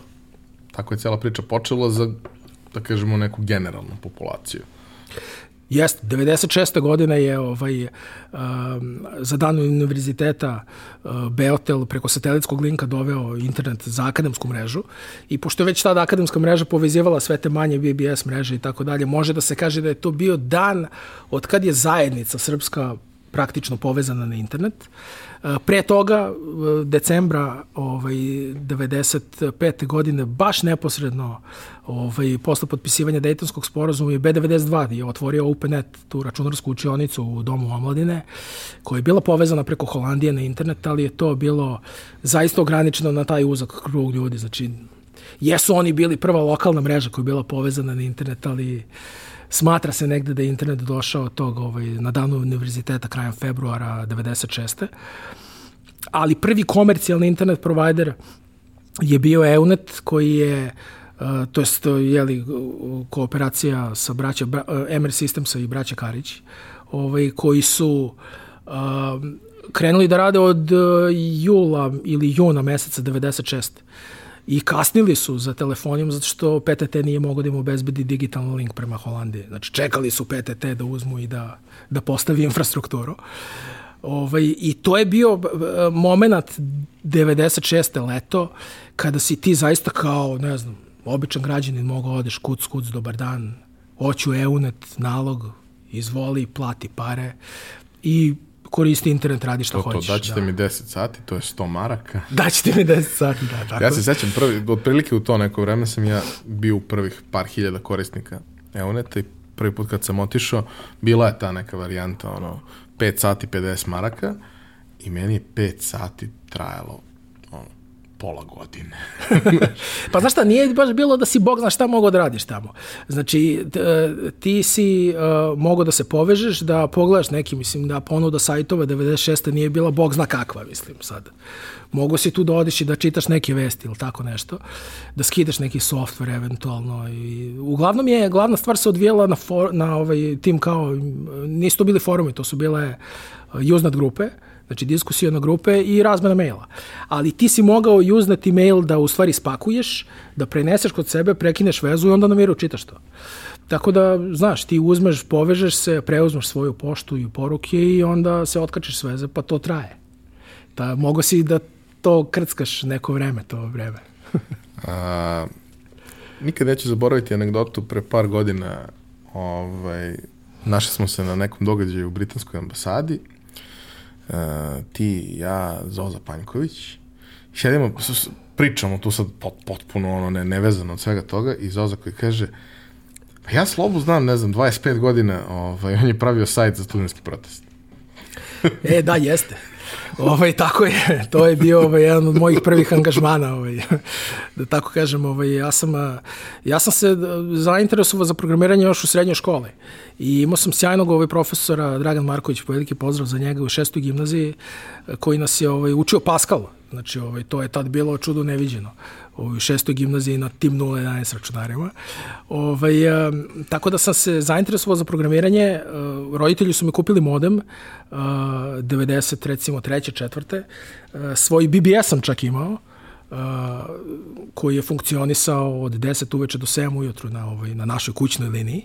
Svoji nisu znali o čemu se tu radi, kao podignu slušalicu, čuju neko, neko, neko, neko škripanje i tako dalje. Ovaj, to, to, sin satanista. da, da, da, tako je. I ovaj... Uh, I, i, i, i ja sam ovaj, uh, posle toga uh, upisao fon. Mislio sam da ću da se bavim programiranjem. To se, nažalost, ili na sreću nije desilo nikad. Ali te godine kad sam upisao fakultet 96. je izbio studentski protest Ovaj, I tad je formirano na više uh, fakulteta, uh, znači bila je jedna internet služba, da tako kažem, studentskog protesta na, na ETF-u, ona je prva formirana, onda na filozofskom fakultetu gde sam ja bio i na matematičkom fakultetu. Da bi se krajem te godine, mi, mi imali smo IRC kanal protesta gde smo se dogovorili, prosto nema smisla da, ovaj, da tripliramo te taj ovaj, rad naš, pa smo napravili jedan, jednu službu, internet službu studentskog protesta i jedan sajt. Uh, taj sajt je i dalje živ, možda se vidi tamo na, na ovaj, archive.org. Njegova adresa je galebtf.bgacu kroz tilda protest 96. I ovaj, to je sajt koji sam ja pravio sa, sa, sa mojim drugom uh, Tasom, koji sad radi u Londonu, radio i za Google ranije. Um, Mihajlo Tasić. Mika, Mika će biti gost Mika. u narednom periodu. E, Čim Mika. bude mogao da dođe. Pitaj Miku za to. pitaću, pitaću. Znači, Mika, je, ovaj, Mika i ja smo kodirali. Bilo je još dvoje ljudi koji su se bavili pisanjem tekstova, ovaj, lekturom, uh, visili su na ircu non stop. Uh, i prenosili su ono što se dešavalo na ulicama ovaj, gradova Srbije, pre svega vezano za studentski protest. Uh, mi smo imali podršku jeli, studentske organizacije, sedeli smo tamo ovaj, u podromu ETF-a ovaj, tamo u, zapravo pored KST-a u jednoj sobi. Kad je jednog dana upala služba državne bezbednosti, ovaj, posle toga smo dobili studentsko obezbeđenje, tako da ovaj, to je bila zanimljiva epizoda. Oni upadnu i kažu da ugasimo kompjutere i mi ih ugasimo naravno, pošto mislim to su radne stanice, sajt je na serveru koji je na nekom drugom mestu. Tako da ovaj, simpatično je bilo to, mislim. Ako više kao I za... odnesu monitor. pa nisu ništa odneli, ali više kao zastrašivanje je bilo. Tako smo posle toga imali studentsko obezbeđenje koje je ovaj, bilo tu ispred vrata. I ovaj, um, uh, vrlo je zanimljivo bilo. Meni je to bilo neverovatno iskustvo. Ne samo što je to bio jedan od prvih sajtova koji sam napravio, nego je ovaj, uh, zaista bilo neverovatno iskustvo da uh, vidiš kako se ta tehnologija koristi za, za, ovaj, za, za oglašavanje i, i informisanje, jed, informisanje jedne grupe koje, znači to je bilo u principu Uh, redko se to viđalo. Zato što si ti, jeli, tadašnji svet je bio takav da si ti imao, jeli, nacionalne monopole ili možda, ne znam, dva kanala ili dva kanala televizije i ne znam, uh, tri novine, znaš. Nije to bilo kao da si imao mnogo neki ono kao medijski pluralizam, ili da si mogao lako da dođeš do informacija. Tako da mi je to bilo vrlo interesantno da su nas globalni mediji, kao što šta znam, BBC, CNN, ali zaista širom sveta ovaj, uzimali kao relevantan izvor i pratili šta se dešava i ovaj, to je bila uh, vrlo interesantna stvar zajedno sa B92 koji je zapravo takođe onaj famozni slučaj voda u kablu ovaj, koji je bio ugašen nije mogao da se emituje emitovao se tada u real audio formatu Ovaj, Bože, kad se seti. Real Audio je... Zlo. Ovaj, da. Oni su im dali čak neki ovaj, uh, appliance ovaj, za, za encoding toga, a Access for All internet provider u Holandiji je uh, distribuirao taj signal. Ovaj, uh, da kažem zlo, mislim na format. Da, real da, audio i real video su najužasniji format ono, za da, da. multimedije koji postoji, negde, ali u to da, vreme tu se negde kolju se sa flashom. Znači, ono, real audio i flash su ono naše traume iz detinstva, da. Ovaj, tako da se, uh, da je, da je čak i Wired, ovaj, legendarni časopis iz ovaj, Kalifornije, uh, uh, poslao svog izveštača u Beograd. Uh, da, da vidi kako sve to funkcioniše. To je njima bilo čudo neviđeno. I uh, i, i, i, ima ta na, na naslovnoj strani Varde iz aprila 97. Uh, ima tekst pod naslovom Internet revolucija u Beogradu gde on kaže da je, post, da je ako je Vijetnam bio prvi rat u kome ovaj, su se pokazala moć televizije, da je studentski protest bio jedna od prvih uh, manifestacija moći interneta. Tako da je mene ovaj, zainteresovalo sve to i to je u velikoj meri odredilo ovo čime ću se baviti nadalje, uključujući taj upad državne bezbednosti, zato što je ovaj, a, a, postalo je jasno koliko moći ima taj medij i koliki je uticaj države može da bude ovaj, presudan za sve to. Koliko lako zapravo može da se nešto cenzuriše, ugasi i tako dalje. I da ovaj, kanale treba držati otvorenim, ali da to neće samo od sebe Tako da ovaj, me to u nekom, nekom smislu usmerilo da posle ovaj, formiran i tu zajednicu ovaj, koja se zvala Internodium i uopšte organizaciju Centra za razvoj interneta tokom 2000-ih. E, i, I to je nešto gde, da kažemo, opet tvoj neki rad postaje vidljiv generalne populaciji. Ko je pratio priču oko protesta, mogo je možda da vidi i tu, ali opet to, to nije uticalo na neki broj ljudi koje prosto ta tema nije zanimala. Nisi baš mogo da ignorišeš. Pa nikome nije vedo se... tokom protesta realno. Evo sad će možda neko da sazna, ali ovaj, uh, uh, ja sam posle 99. godine, 98. kad su već onako, kad su već i krenuli konkretni pritisci ovaj, režima na, na cenzurisanje recimo na ETF-u i tako dalje, um, kad su krenuli da zatvaraju novinare, um, pokrenuo sam iz svoje sobe, da tako kažem, revoluciju, što bi se reklo, Internodium projekat, Internodium listu, koja je imala za cilj pre svega da okupi ljude koji bi se bavili um, proučavanjem ne samo razvoja tehnologije, nego kako to utiče na društvo i kako politika utiče na sve to. Sa posebnim fokusom na našu zemlju. Znači da vidimo kako mi stojimo u jeli, svetskim okvirima i kako mi uopšte stojimo sa tim stvarima. I na tu mailing listu, pošto je to tad bilo, nije bilo, jeli, to je bio jedini način, nije bilo jeli Facebooka ili Facebook grupa ili tako nečega, znači ili mailing list. web foruma nekakvih. Ili web foruma, da, 99. nisu još bili krenuli, baš nisu zalufali. Um, napravio sam tu mailing listu koja je na vrhuncu popularnosti imala okuplja negde oko hiljadu ljudi iz svih krajeva bivše Jugoslavije, ali pre svega Srbije. Gde se pričalo o tim stvarima. Znači, cenzura na akademskoj mreži, kako se ovaj, e, suzbija sloboda izražavanja. Bio je takođe i kanal za distribuciju informacija interesantnih o tome šta se dešava u svetu. Recimo, ja osjećam se da je poruka, pretraživao sam tu mailing listu dok sam pravio svoj master rad i recimo našao sam poruku gde sam ovaj, rekao je kao krenuo Google. Evo juče pušten Google kao pretraživač. tad je bila Alta tad, Vista. Alta Vista i oj, ostali su bili, tad nisu bili zapravo pretraživači, nego kao zbirke linkova. Ti dođeš tamo i kao zanimate kategorije. Da, nisi imao nekakvu real time indeksiranje, nego da, prosto da, da, ako je, je dodato u bazu, naći Zbirke da... linkova su bile, da. Tako da, ovaj, a, tako da pratili smo svi zajedno šta se dešava na našoj sceni i reagovali smo na to. Bilo je dosta priča i o reformi registra internet domena, koji je između oslogi pošla, potekla sa mailing liste i ti ljudi koji su se bavili posle osnivanjem registra internet domena, svi su bili na toj listi i pričali smo i tako smo se upoznali i tako dalje. Ovaj, tako da je to bila platforma za komunikaciju i, ovaj, i, i tako sam i uopšte upoznao veliki broj ljudi ovaj, iz, iz tog sveta. Ljude koji su osnovali internet provajdere, te, ljude u oblasti telekomunikacija i tako dalje. Tako da ovaj, bilo je to jedno zanimljivo iskustvo. Bombardovanje je isto bio period kada je internet bio kanal informisanja koji je davao i neke on, informacije do kojih nisi mogao da dođeš kroz klasične medije, jer klasični mediji su imali ovaj, malo izmenjenu sliku o tome da. šta se zapravo dešava. Vrlo zanimljivo je to što ako je 97. studentski protest, na primjer, bio prva stvar gde je moć interneta mogla svi, na primjer, na primjer web sajta i uopšte, ili streamovanje video, video, video signala i audio video signala, uh, bombardovanje 99. je bio prvi primjer, ja mislim, gde gde, gde, su, gde je bilo ko uh, mogao da stupi u direktan kontakt sa građanima jedne države koja je bila u ratu. Znači, pre to prosto nije bilo moguće. Mogu si gledaš šta se dešava na televiziji, ne znam, u Zalivu, rat u Zalivu, mogu si gledaš, uh, uh, mogu si da odeš kao novinar tamo pa da, ne znam, tokom rata u Bosni ili tako dalje, da, da gledaš šta se dešava ali ako si bio građanin zemlje X, ti nisi mogao da stupiš u direktan kontakt sa bilo kim ko se nalazi u zemlji koja je ovaj, u ratnom stanju, jer obično nisi mogao da uspostaviš ni telefonsku vezu, ni pošta nije radila u ratu obično i tako dalje.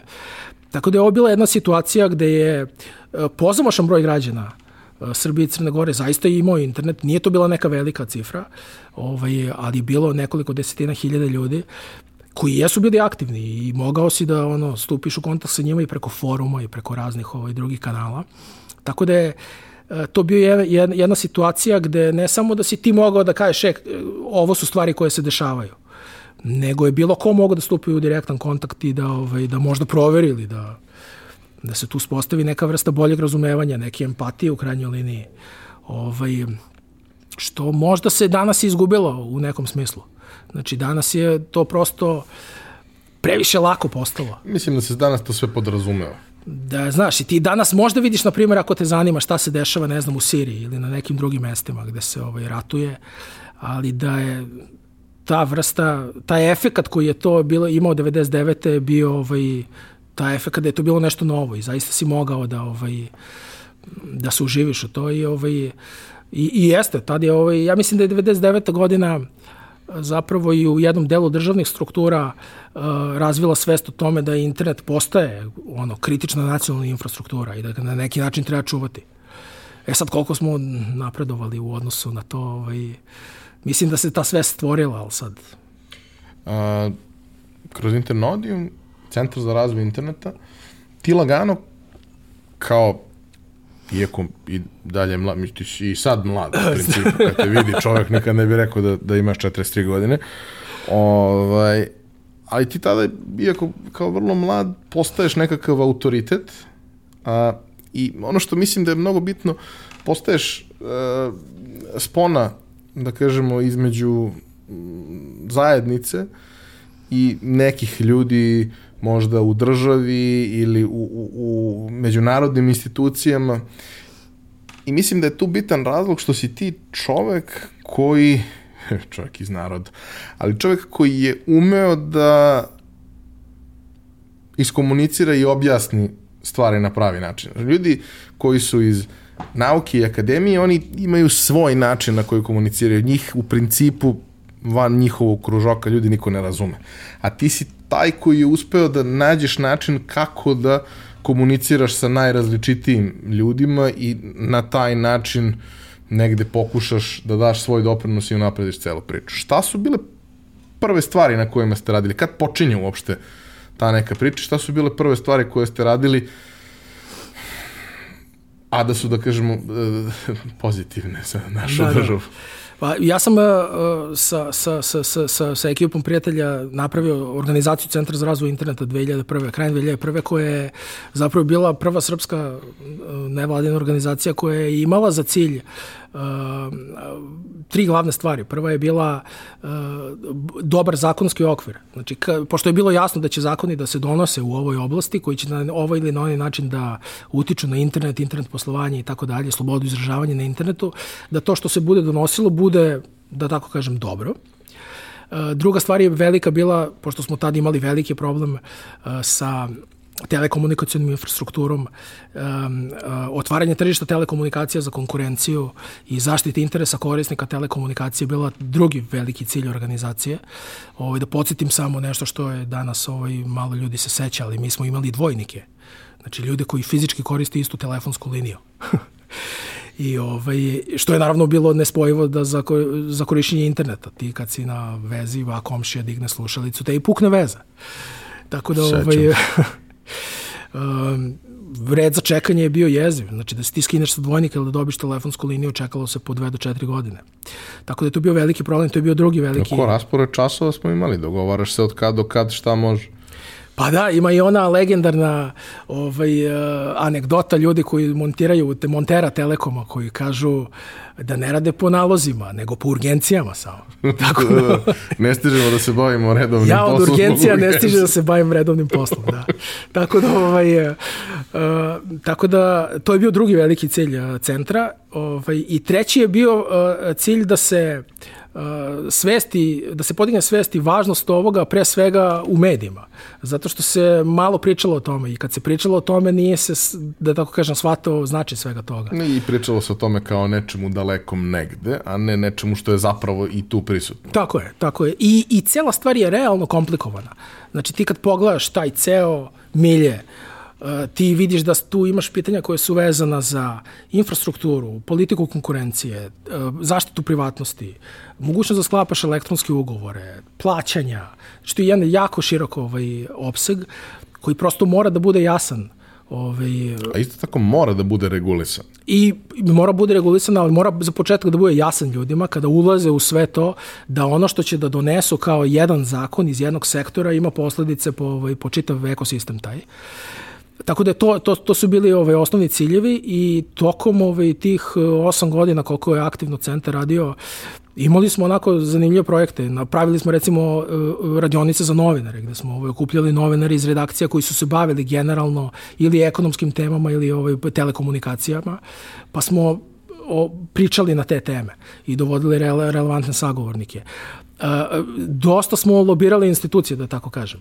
Um, ono što je moj veliki, velika lekcija koju sam naučio tokom godina je da za svakoga ko hoće da se bavi ovim poslom i da bilo šta radi sa državom, mora da uspostavi jednu, ne samo mrežu kontakata, nego jednu mrežu za prikupljanje podataka, kao privatnu obaveštajnu agenciju.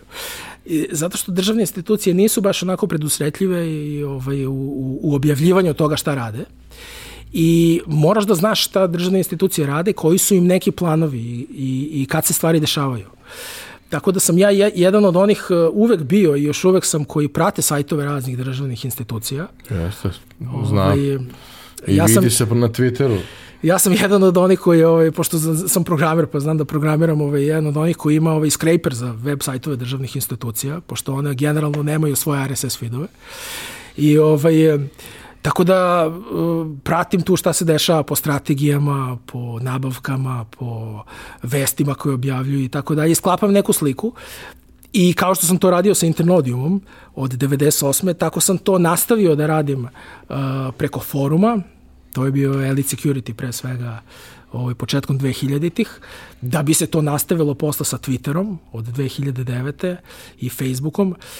Tako da danas ono Smarković na ume da, da pretvituje, ovaj, ume da pretvituje da pretera. Da ovaj možete da prati ja i dalje delim ovaj sve to što što saznam da se dešava, sve ono što mi je interesantno a vezano je za uh, razvoj telekomunikacija, informacionog društva, privatnost što u Srbiji, što ovaj u okruženju, aktivnosti državnih institucija na tu temu.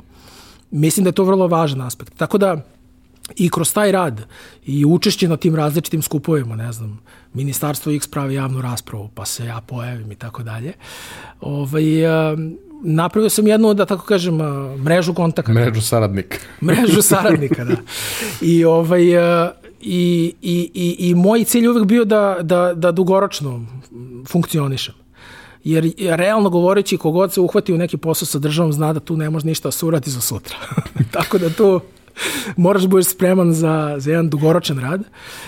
I, ovaj, i, I preko centra mi smo zaista neke stvari smo uspeli da, da ubacimo i da, da utičemo na neke stvari. Na primer, ne znam, ljudi se sećaju, verovatno ovi stariji, postoje takozvana Šešeljeva taksa, notorna, za, koja je zapravo opterećivala porezom dodatnim sve one koji imaju mobilni telefon. Kao to je luksus bio. Pa smo zastupali ukidanje te takse. Pa je onda bila ideja da se, ukine, da se smanji PDV sa 18, koliko se sećam, na 8% za računarsku opremu. Pa je onda ovaj, donošen je novi zakon bio o, trgovini, gde smo uspeli da ubacimo tada član koji je tretirao spam. Um, prvo poglavlje, kad je, kad je u stvari Srbija dobila tu studiju izvodljivosti Europske unije, napravljena je prva kao strategija za pristupanje Srbije Europskoj uniji, I ja sam se pojavio na javnoj raspravi i čak nisam ni hteo da učestvujem u njoj, nego sam posle ovaj, Milicu Delović pitao, ovaj, ne znam da ste primetili, mislim, nije mi jasno, ali nema ništa vezano za ovaj, informacijalno društvo i medije. Pa kaže ona, ne znam, pošalji. Tako da ovaj, to poglavlje za informacijalno društvo i medije je ovaj, takođe jedna stvar ovaj, koja je bila ovaj, doprinos centra ovaj, veliki naš posao bio vezan za zakon o telekomunikacijama i uopšte uh, otvaranje tržišta telekomunikacije, ukidanje monopola telekoma. Sećamo se svi koliko je sredinom 90-ih bio veliki problem sa prenosom glasa preko interneta. Ovaj, što je bila jedna stvar da smo takođe ovaj, radili i sa udruženjem internet provajdera i sa tada novom Republičkom agencijom za telekomunikacije Ratelom. Tako da ovaj, iz tog posla donekle sam naučio kako funkcionišu državne institucije i stekao sam ovaj, jeli, poznanstvo po državnim institucijama što me posle kvalifikovalo i ovaj, ispostavit će se i za, ovaj, i, e, za, za angažman u istoj. To, taj deo mi nikad neće biti jasan, ono, kao video si kako to funkcioniše, šta ti je trebalo da se uključiš u to. Uh, šalim se, naravno. Um, mislim da je trenutak u kome si se ti uključio promenio stranu u kome si se uključio u, u, u, u priču sa strane države uh, kroz Ministarstvo telekomunikacije i digitalnu agendu u okviru toga možda bio ključni trenutak tog nekog zanosa da zapravo nešto tu može da se promeni. Odnosno, ne, ne može da se promeni, nego stvari su se dešavale, dešavale, dešavale, dešavale, postojala je volja i onda je malo još trebalo znanja, malo još trebalo kvalitetnih ljudi i, mislim, neću da kažem da si podneo žrtvu, ali na neki način jesi napravio, ja verujem, jako važan korak. E, šta je bila tvoja uloga? Šta ste vi zapravo radili?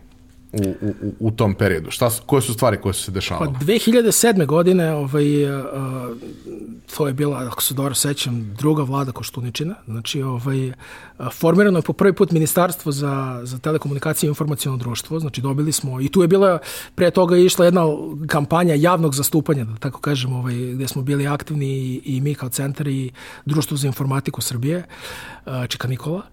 Ovaj, uh, u tome da se formira tako jedno ministarstvo i ono je formirano I, ali ja sam se već umorio u tom momentu. Baš mi onako, u tom momentu sam već osjećao umor. Od 2001. godine zastupanja nekog stalnog rada i tako dalje. To je nekih 6-7 ovaj, godina guranja zida, tako zvano. I baš sam se onako umorio, tako da sam malo prikočio. Mislio sam da sad kada evo, dobili smo ministarstvo, sad će ministarstvo malo da preuzme ovaj to. Tako da sam ovaj, po, tako da sam pauzirao tih godinu dana od 2007. do 2008 vrlo interesantan ovaj period u mom životu, ali ovaj što se vidi i po nekim ovaj mojim profilnim slikama iz tog vremena. ovaj i I, i, i moja drugarica s kojom sam sarađivao u ovaj centru za razvoj interneta na toj studiji vezanoj za telekomunikacije, Jelena Sočulija, i ovaj, krenula da radi u ministarstvu koje je formirano 2008. godine posle izbora. I ispostavilo se da tadašnji ministarka telekomunikacija Jasna Matić da traži savjetnika za tu oblast. I ona rekla, ma znam ja Marković, on je odličan, verovatno ili tako nešto. Tako da je ovaj, da, da, da me je spojila sa ministarkom i uh, dobio sam ponudu da budem njen specijalni savjetnik. Ja nju nisam poznavao pre, to je dosta čudno onako. Obično ministri za specijalne savjetnike svoje postavljaju ljude koji su, koji su onako od poverenja i dugo su ovaj, u toj industriji. Ovako kad pričaš to, ni meni nije jasno zašto bi tebe, ali da, okej. Okay. Da, ovaj, uh, uh, pa verovatno je se svidelo to što sam ovaj, uh, onako imao energiju, imao energiju i, ovaj, i, i dosta dobro poznavao tu industriju. Um, i tako da sam pristao u stvari da, da, da, da radim to i jako mogu slobodno da kažem da je to bio jedan skok u nepoznato. Mislim, ja sam u tom momentu znao kako u teoriji funkcioniše jeli, sistem državne uprave i ko je tu nadležan za šta i tako dalje. I čak sam učestvovao u tom zakonodavnom procesu kroz Centar za razvoj interneta i ne znam, i onda amandmane smo razvijali, podnosili, učestvovao sam u radnim grupama i tako dalje. Ali jedna potpuno je druga stvar kad ti uđeš unutra, pa sad iznutra treba da vidiš kako to funkcioniše i da guraš neke stvari.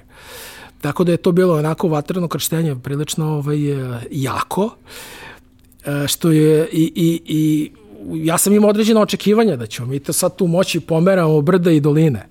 Ali kad uđeš i kad vidiš u stvari uh, koliki je to veliki trom sistem, plus da ti istina imaš ministarstvo, ali ti u to vreme nisi imao neku jaku političku podršku kao što sad postoji, ne znam, da se digitalizacija gura kao državni projekat, da ono, premijer stoji iza toga i tako dalje.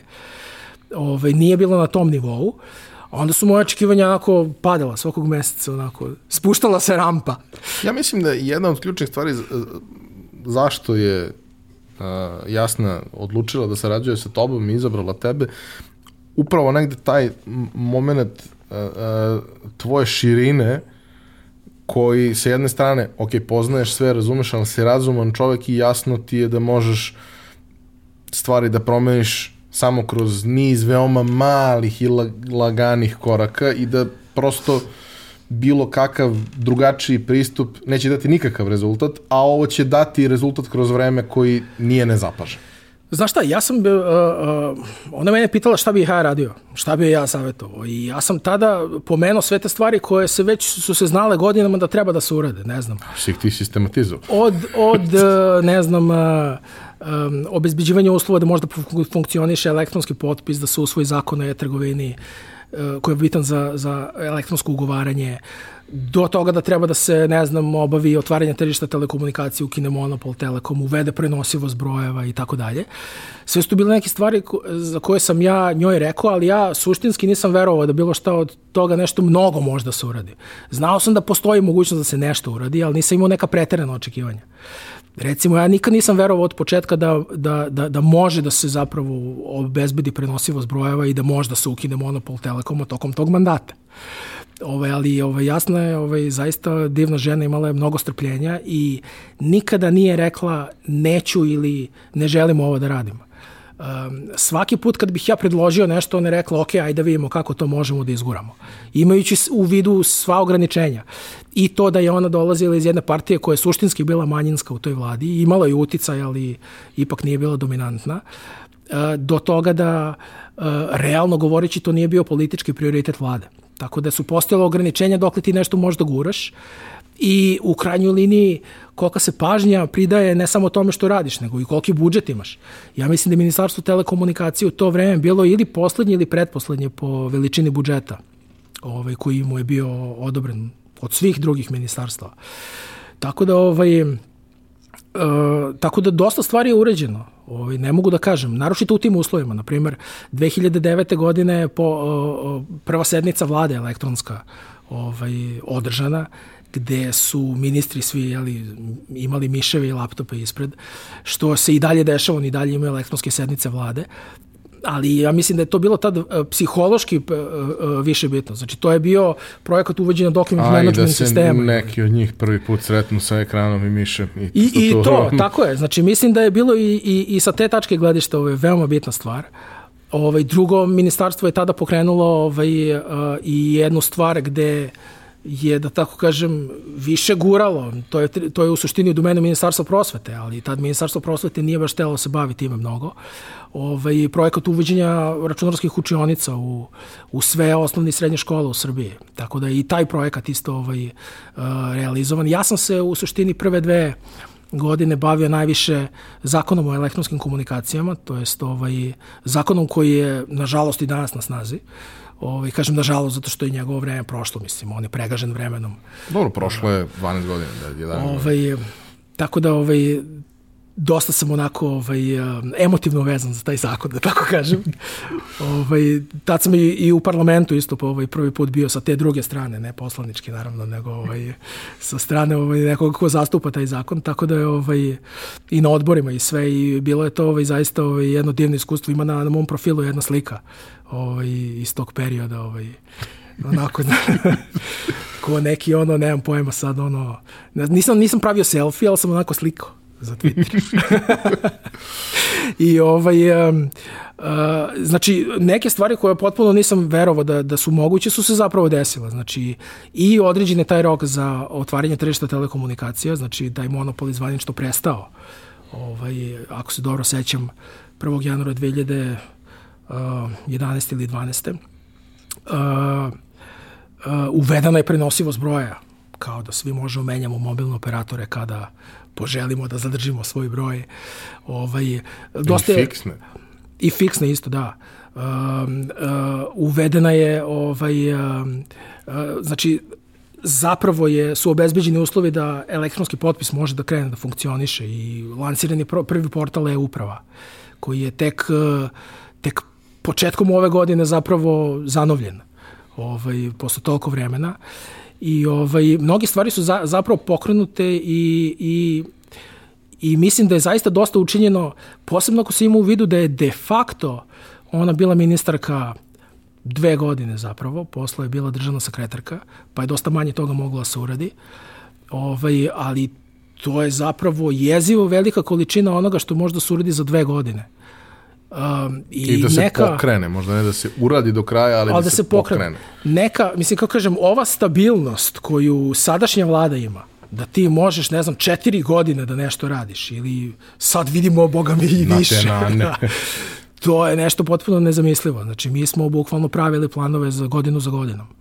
I, ovaj, I ono što mislim da je veliki problem sa uopšte razvojem informacijalnog društva kod nas i telekomunikaciju je kontinuitet. Znači mi smo... A i sa svim ostalim. Pa da. Znači nama se zalomilo tada, da tako kažem. Imali smo srećnu okolnost da uh, smo dobili 2007. ministarstvo i prvo Aleksandar Smiljanić pa onda Jasno Matić koji su zaista hteli da guraju te stvari. I ovaj, ono, ljudi su se zaista ono, bavili svojim poslom, hteli su to da rade. Uh, da posle toga smo imali jednu rupu od nekoliko godina, sve dok nije došla Ana Brnabić i ovaj, rekla u ekspozeu sad digitalizacija ulazi na velika vrata, što se zaista i desilo. Ali, ali nije to kod nas sistemski. Znači, mi nemamo u podmocima partija nikoga ko se bavi politikom telekomunikacije, informacijnog društva, digitalnih tehnologija i tako dalje. Imamo internet timove koji se bave botovanjem. Imamo uh, ovaj, imamo u parlamentu isto nemamo odbor koji se bavi time. Znači on se bavi, ne znam, sa četiri, pet stvarima plus ovim. Nekako mi se čini I, da je dobar deo razloga za to što zajednica ne želi da ulazi, da daje bilo kakvog svog predstavnika koji bi ušao u tako nešto, pa jer tu postoji toga. veliki rizik. Ti si me isto pitao malo pre, pa ti nisam odgovorio na to do kraja, vezano za taj, za taj uh, uh, moment Uh, uspostavljanja komunikacije između tehničke zajednice i jeli, te zajednice IT preduzetnika recimo, uh, što ja, to je moja zajednica, ja tako doživljavam, uh, i, i ljudi koji se bave politikom, rade u ministarstvima, državnoj upravi i tako dalje. To je u, svugde jako teško. Znači, to je teško i u Americi, to je teško i u Briselu. To je svuda teško, ovaj, ali je moguće. Mislim, zahteva, zahteva dosta posvećen rad, uh, I to je bila moja osnovna poruka i ljudima koji su, na primjer, formirali i Digitalnu Srbiju i ovaj Startit i, ne znam, um, Share fondacija koja je najpribližnija onome što, čime se bavio Centar za razvoj interneta. Danas je to mnogo bolja situacija u tom smislu što ovaj, ima mnogo više organizacija koje guraju različite aspekte razvoja IT-a, da prosto moraju da budu posvećeni ome na dug rok, i da uh, zaista sistematično rade ne samo sa onima koji su najočigledniji, da tako šampioni, da tako kažem, ne znam sad, zakačiš se za kabinet premijerki i ne puštaš. Znači, okej, okay, oni vam se javljaju na telefon, s njima možete da pričate, ali ako hoćete napraviti neki zaista dubok uticaj u oblasti, ne znam, obrazovanja, bezbednosti, šta god, mora da se radi sa tim ministarstvima i sa tim institucijama koje ovaj, zapravo imaju nadležnosti u toj oblasti imaju budžete. I sa stručnim ljudima koji su tamo, koji Jest. se ne menjaju kad se promeni vlast. I tako je. I mora da se ovaj mora da se ovaj da se radi i da se uspostavi razumevanje i saradnja. Tako da ovaj uh, apsolutno mislim da je nerealno očekivati da će država pod znacima navoda da shvati sve ovo. Znači, to je prosto jedan proces koji mora da se desi u saradnji i da se ti mostovi aktivno uspostavljaju ovaj, što država da sama kaže u nekom momentu u idealnom slučaju. To se redko dešava, ali ipak se neka dešava. da kaže, evo sad mi pozivamo zajednicu nešto da nam ovaj, predloži ili da se uključi u nešto. Ali, ovaj, ali zajednica treba da, ovaj, da, da bude aktivna stalno na tome. A, pre nego što se prebacimo na sadašnji trenutak, odnosno realnu budućnost, a, volao bih samo pošto smo se dotakli toga, dotakli smo se istorije U domena i kako je to sve išlo i pomenuli smo da je 2008.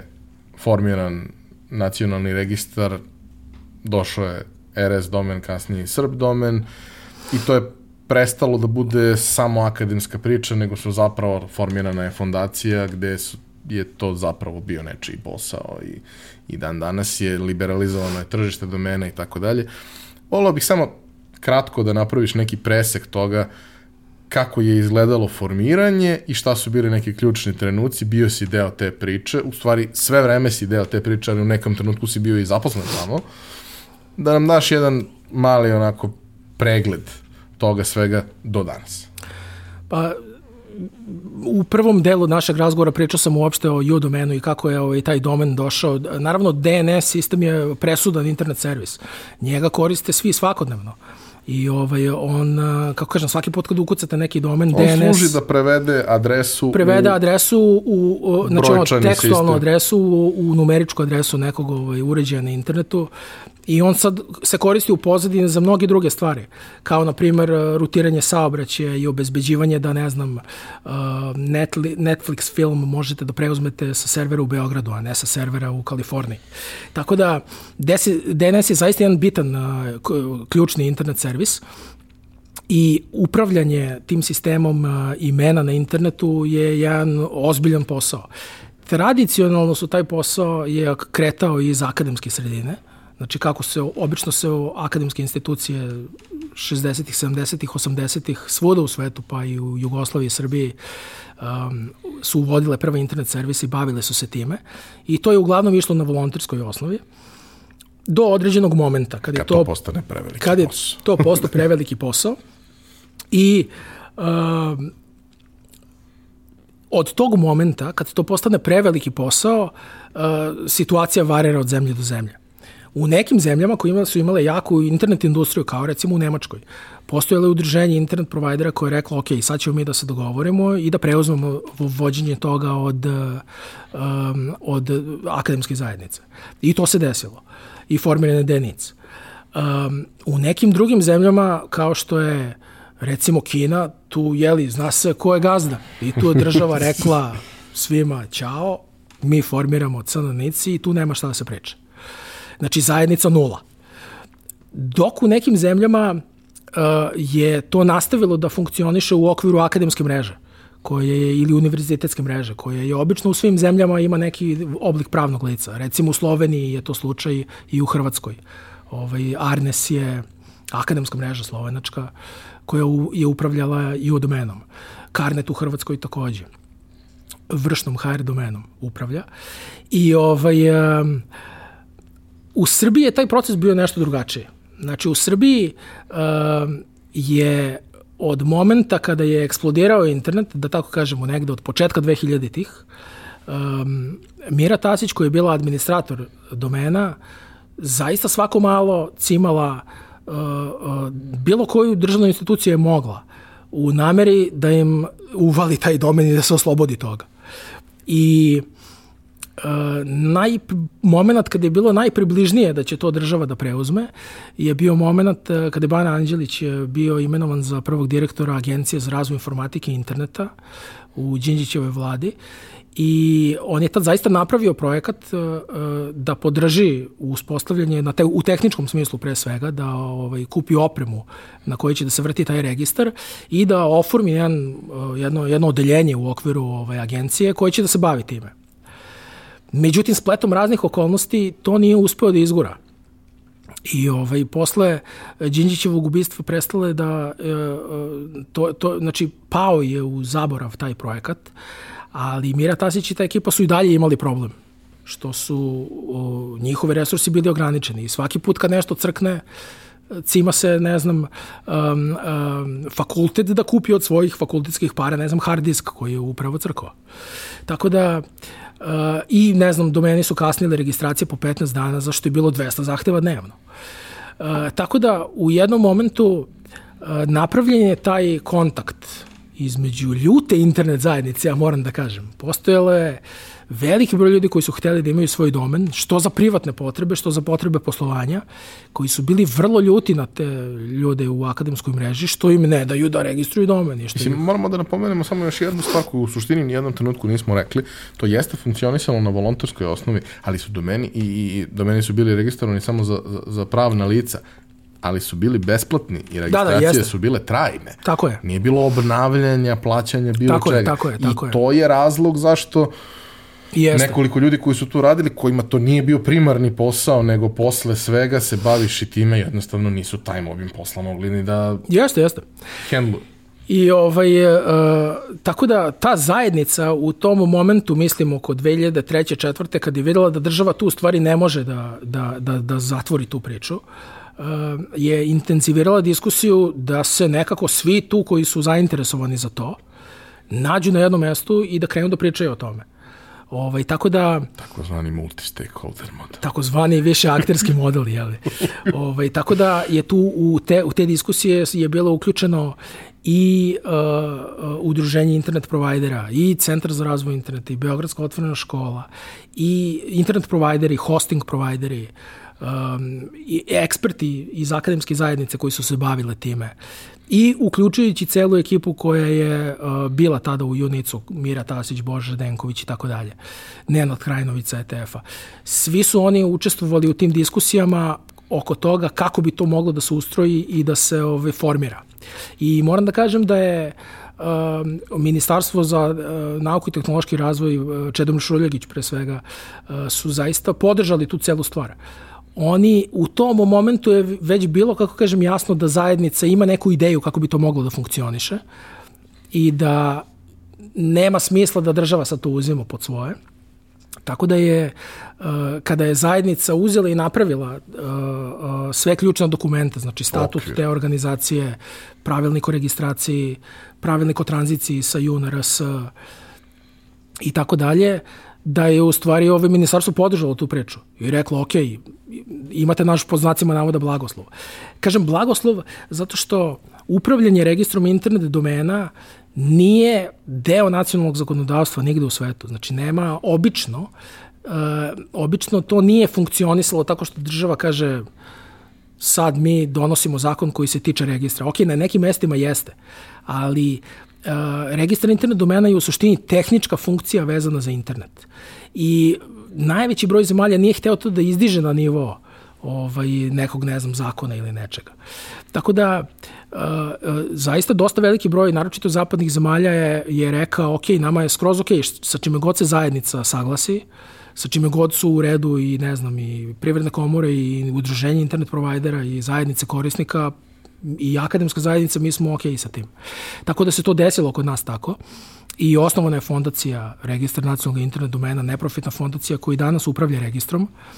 I međunarodna organizacija uh, ICANN, koja je nasledila pokojnog Johna Postala, je zapravo prenela uh, u jednom momentu uh, nadležnost na U domenom i do, dodelila RS domen kad je ovaj Srbija ovaj, dobila nezavisnost. Uh, tamo 2006. 7. godine je valjda delegiran domen. Ovaj, I uh, I to je sve urađeno, da tako kažem, na jedan onako organizovan i kontrolisan način. Što nije bio slučaj svuda u svetu. Znači, na nekim mestima taj proces nije baš funkcionisao kako treba i dolazilo je do svađa između onih koji su iz akademske zajednice i ovih ovaj, i ostatka zajednice i nisu mogli da se dogovore oko toga kako će funkcionisati domen. U takim situacijama ICANN kao ovaj, međunarodna organizacija uopšte ne želi da arbitrira On kaže... Vi se dogovorite pa vi se, se dogovorite pa nam se javite. Ovaj, uh, I često je takve, takve ovaj, situacije prekidala u stvari država. I u onim zemljama gde je država formirala svoj registar, je u najvećem broju slučajeva uradila zato što je zajednica podbacila i nije mogla da se dogovori oko toga kako će to da bude upravljeno. Tako da ovaj, mislim da je, eh, ja volim eh, registar nacionalnog internet domena i volim ceo taj proces koji se odigra od 2000. do 2006. I drago mi je što i danas Frednic funkcioniše ovaj, kao neprofitna organizacija u kojoj zajednica i dalje ima ovaj, eh, ključnu reč. Zbog toga što to nije svojstveno ovoj zemlji. Znači, ne može da se nađe mnogo slučajeva, mnogo primera u drugim delatnostima da je jedna široka zajednica zaista u kojoj su i internet provajderi i korisnici i oni koji koriste sve to, znači ovaj, firme koje zavise i žive od interneta i akademska zajednica se slože oko nekog modela za bilo šta. Mislim, mi u Srbiji teško možemo da se nekog složimo... Nekog modela koji je pritom neprofitan za sve članove. Tako je. Znači, mi ne možemo se složimo u Srbiji, često mislim, ni ko će bude predsednik kućnog saveta. A kamoli ko će jedno... plati račun u kafani, a ne... Ko će plati račun u kafani, a kamoli za jednu stvar koja je suštinski infrastrukturni servis od koga zavisi internet i od koga mo, koji mora da funkcioniše 24-7, apsolutno pouzdano. Tako da, ovaj, veoma mi je drago i ja to zapravo shvatam, ok, ja sam učestvovao u tome, drago mi je, ali mi je još više drago za, zbog nas samih koji smo kao zajednica uspeli da to izguramo i da ta stvar i dalje živi i da je prošlo nekoliko vlada i da ni jedna vlada nije došla i rekla šta je to sad, ne može ništa, rasturamo, uzimamo mi.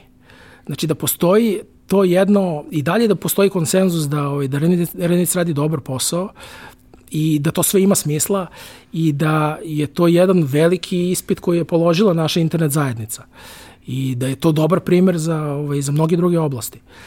Um, naravno, taj posao koji Renic radi je i dalje veoma tehnički i ovaj, od 95% posla koji Renic radi je tehnički i uh, drago mi je što je jedan od redkih registara koji zaista nije imao u poslednjih uh, od kad Renic funkcioniše, ok, to je nekih 12 godina ovaj, zaista nije imao ni jedan pad. Znači, Mislim da je jedan od sedam registara u svetu koji nisu imali tamo. Da, znači dostupnost servisa i dostupnost ovaj, resolvinga za, za U nekada, sada RS domene je 100%, tako da ovaj, stvarno mislim da je to jedan ove od, od dobrih primera šta zajednica može da uradi kada se saglasi oko nečega i kad kažem zajednica mislim na sve aktere koji su tu bitni.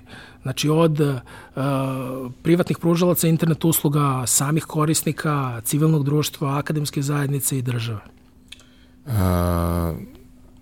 u jednoj dve rečenice mi samo kaži uh, primer ju do mene je jedinstven nije prvi put da se neka država rasformirala i da sad treba na nešto, ovaj, na neki način, jeli, promeniti celu domensku sliku. Međutim, nije bilo mnogo slučajeva gde je to funkcionisalo 10 plus godina, gde sad kao to više nije opcija. Ne znam, imamo primer uh, Sovjetskog saveza koji je ostao kao da, tačka su. relikt, ovaj, njihov domen. Uh, Imamo primjer Čehoslovačke, ali taj primjer Čehoslovačke se realno dešava u periodu kada je to nekakav beznačajan broj domena i Jeste. kada to nije nešto preterano popularno, ali, ali primjer U domena je domenski prostor u kome je bilo preko 40.000 domena koji su funkcionisali preko ko zna koliko stotina hiljada mailova koji su funkcionisali, gomila neke arhive, backlinkova, svega, svega, svega, svega. Zašto je u domen morao da bude ugašen? Teško pitanje. Ovaj, uh, uh, ICANN je uvek imao problem sa uh, pravilima za i uopšte odnosom sa nacionalnim registrima internet domena. Zato što ne postoji neka međunarodna konvencija koja reguliša ovo i ne postoji jasni set pravila kakav treba da bude odnos između organizacije koje upravljaju domenima i ovaj matične jele, organizacije. Zato je ICANN uvek imao taj hands-off pristup kao ako ne možete se dogovorite, idite tamo pa mislim javite nam se. Um, I jedna od posledica toga što je vrlo teško na globalnom nivou može da postigneš neku saglasnost oko toga kako taj ceo sistem treba funkcioniše i u ICANN-u sve beskonačno traje. Znači, te, ta pravila se donose za bilo koju stvar po 7-8 godina. Ovaj Danko koji je naš prvi i jedini član upravnog odbora ICANN-a, ovaj, možda posvedoči o tome, mislim, to mu je ovaj, muka dnevna, što bi se reklo.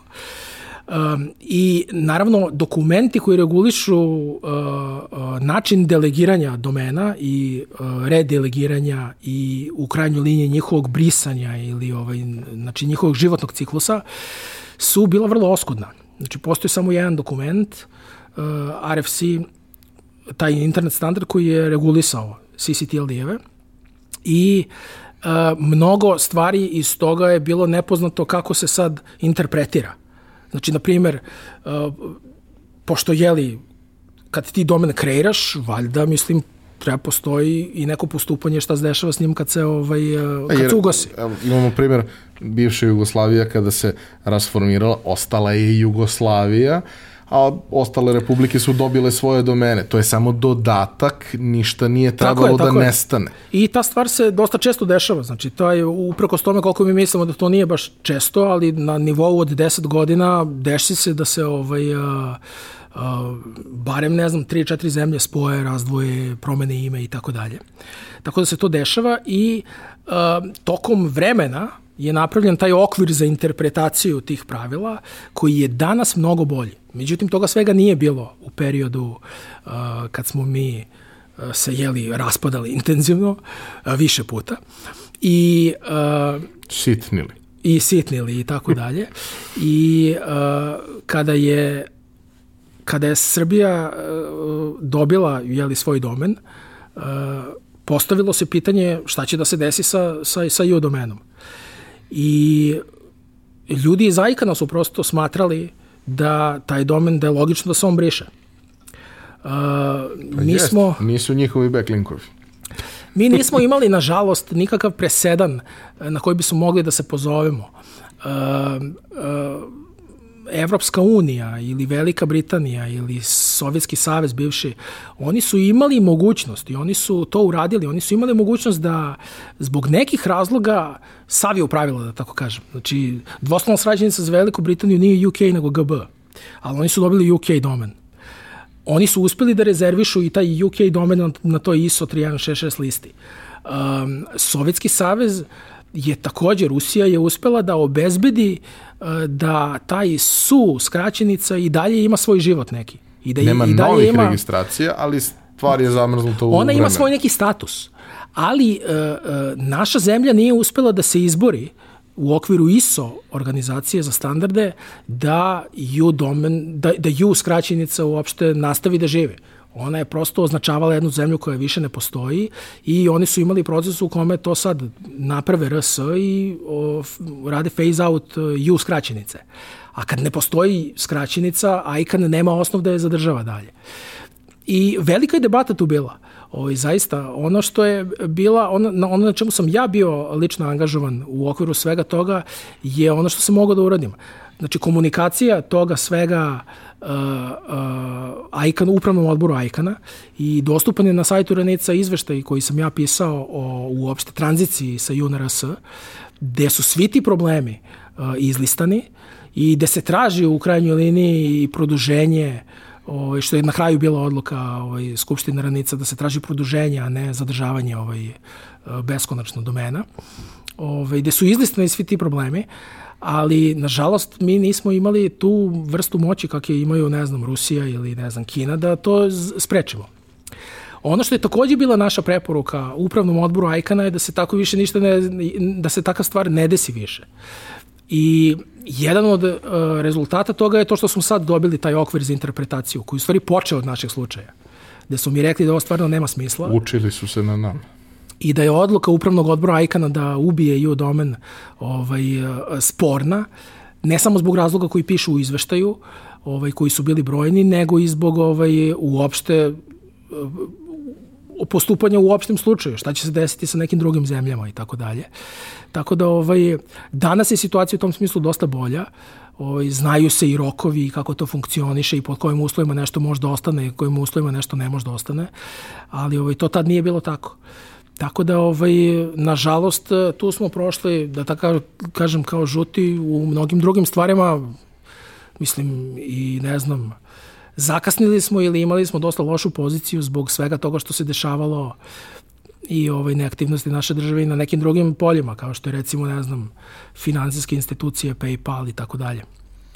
Nije samo i u domen tu bio, da tako kažem, žrtva tih naših sitnjenja.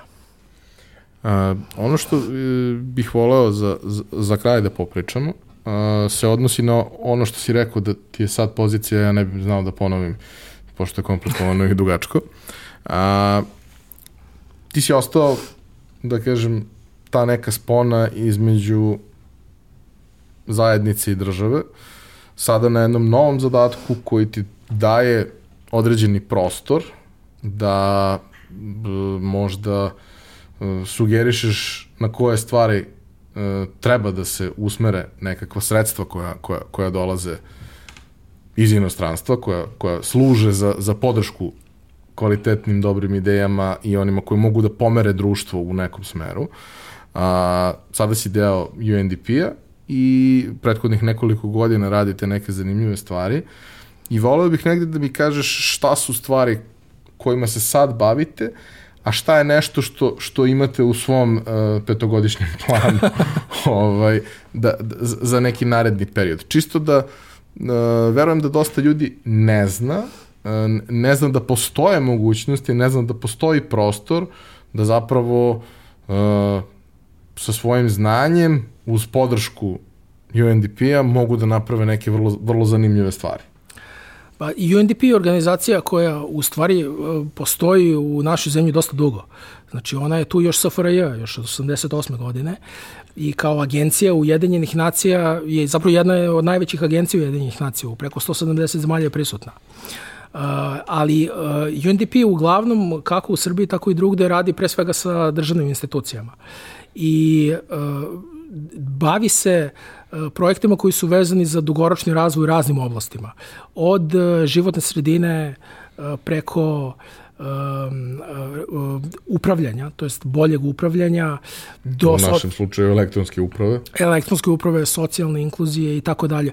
U principu realizovanja svega onoga što je agenda 2030 Ujedinjenih nacija, to su oni ciljevi održivog razvoja koji u principu nisu samo agenda Ujedinjenih nacija, nego se radi o jeli, jednom civilizacijskom, da tako kažem, civilizacijskim standardima da svi imaju pristup obrazovanju, da nema gladi, da uh, postoji sloboda izražavanja, da postoji dobra uprava i tako dalje.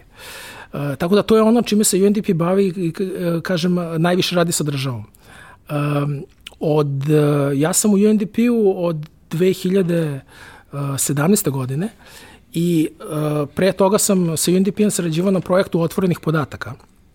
To je bila jedna inicijativa gde se radilo sa državnim institucijama da krenu da otvaraju svoje podatke kako bi i neko drugi osim državnih institucija mogao da ih koristi da pravi neke svoje razne aplikacije i da ukršta te podatke, što za naučne svrhe, što za... Ide na Google mapi, znamo kad dolazi autobus. Idemo na Google mape, znamo kad dolazi autobus, na primjer. To je isto jedan od primjera otvorenih podataka, gde državna institucija objavi podatke o linijama gradskog prevoza, redu vožnje i tako dalje, a onda drugi naprave neke aplikacije gde mi možemo svakodnevno da ih koristimo.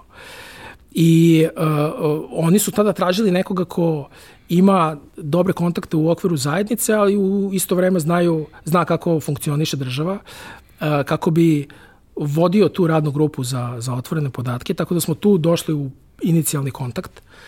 Ovaj, I kada, je, kada se formirala vlada 2017. godine i kada je Ana Brnabić postavila digitalizaciju kao prioritet, um, britanska vlada je htela da podrži razvoje uprave u Srbiji, a UNDP je pozvao mene i rekao ajde sada da nam pomogneš da napravimo projekat za to.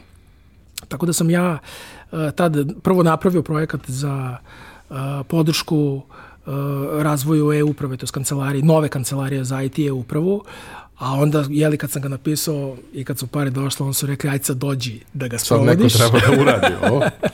Tako da ovaj, nisu morali nešto mnogo da me ubeđuju. Ja u suštini uh, volim taj, taj, taj rad i uh, takođe mi je bilo presudno, presudan je bio taj moment. Znači, bez obzira slagao se ja ili ne s, politički sa nekom opcijom, uh, prosto ne, mislim da ne može da se ignoriše činjenica kada neka vlada ili kad neki premijer postavi digitalizaciju za, za važnu stvar. To je zaista veliki događaj u istoriji naše zemlje i uh, sama prilika da, da, da mogu da učestvujem u delu toga mi je bila zaista sjajna. Tako da sam ovaj, pristao da, da dođem u NDP da ovaj, sprovodimo taj projekat. Tako da sam jedno vreme vodio taj projekat uh, saradnje sa Kancelarijom za IT i upravu i projekat otvorenih podataka da bi u poslednjih e, šest meseci e, prestao da vodim te projekte i zapravo počeo sa celom kancelarijom da radim na tome da više integrišemo digitalne komponente u sve portfolio, sve projekte koje radimo. Znači ne samo u oblasti uprave, nego i u oblasti zaštite životne sredine, socijalne inkluzije i svega onoga drugog što UNDP radi. Tako da to je sad jedna nova uloga koju imam i vidjet ćemo kako će to da ide. Uh, Ovaj, imamo razne nove vrste eksperimenta koje sprovodimo. Ovaj, recimo imamo saradnju sa Europskom svemirskom agencijom uh, koja uh, je strateška saradnja između UNDP-a i ESE, gde sada radimo na projektu koji ima za cilj da uh, pomoću analize satelitskih snimaka i veštačke inteligencije identifikuje recimo deponije na satelitskim snimcima. Uh, Um, ono što mene zaista veoma zanima je upotreba podataka i to je ono što nam je ova korona pokazala da zapravo država mora mnogo brže da reaguje i da uh, državna pomoć i podrška mora da bude mnogo usmerenija. I to jedino može preko analize podataka koji često nisu državni uopšte, nego dolazi iz privatnih izvora, kao što su, na primjer, podaci mobilnih operatora, kao što su podaci um, online servisa za e-trgovinu ili berza poslova. Gde mogu da se prate uh, ponude i potražnja trendovi trendovi i tako dalje, znači koji mogu da daju državi i državnim institucijama neki signal gde treba da se fokusiraju u ovako kompleksnoj situaciji. Tako da je to recimo ovaj, uspostavljanje te platforme koje će moći da pruži podatke za odlučivanje u realnom vremenu i integrisanje državnih i privatnih izvora podataka je jedna takođe stvar na kojoj radim. Um, još jedna stvar na kojoj radim je takođe vezana za bolju, kvalitetniju primenu uh, novih tehnologija koje dolaze. Znači, no, mnogo se priča, ne znam, o dronovima, veštačkoj inteligenciji i tako dalje, ali ono što mi treba da, da uradimo, naročito na području ovaj, Zapadnog Balkana, je da napravimo uh, primere koji će da konkretizuju sve to i da pokažu da te stvari zaista mogu da ovaj, ovde naprave neku razliku. I ako pričamo o Internet of Thingsu ili o dronovima, da mi možemo za isti sto da stavimo ljude koji donose odluke, ljude koji su iz privatnog sektora kojima sve to treba i ljude iz finansijskog sektora, međunarodnih finansijskih institucija koji mogu da podrže to u nekom smislu sredstava, dugoročnog razvoja i tako dalje i da napravimo model koji može da, um, uh, da te neke industrije ili te neke primene IT izgura na jedan do, mnogo više nivo. Da se, da, da se pomerimo od onoga treba nam industrija, ne znam, 2.0 ili veštačka inteligencija budućnost na nešto konkretno što će da to demonstrira i pokaže. Tako da je ovaj, i to takođe jedna stvar ovaj, kojom se bavim i koju bih želeo da, da, ovaj, da, da poleti u narednom periodu.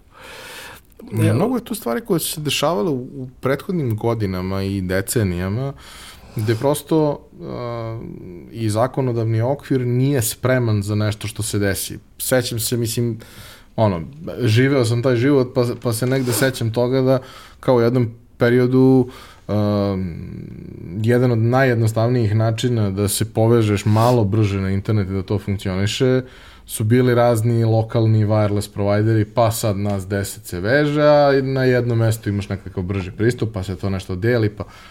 Ali je to bilo potpuno van bilo kakvog standarda, van bilo, bilo kakvih okvira koje, ko zna koga je sve ometalo, kome je sve to pravilo problem, jer mi smo se snalazili.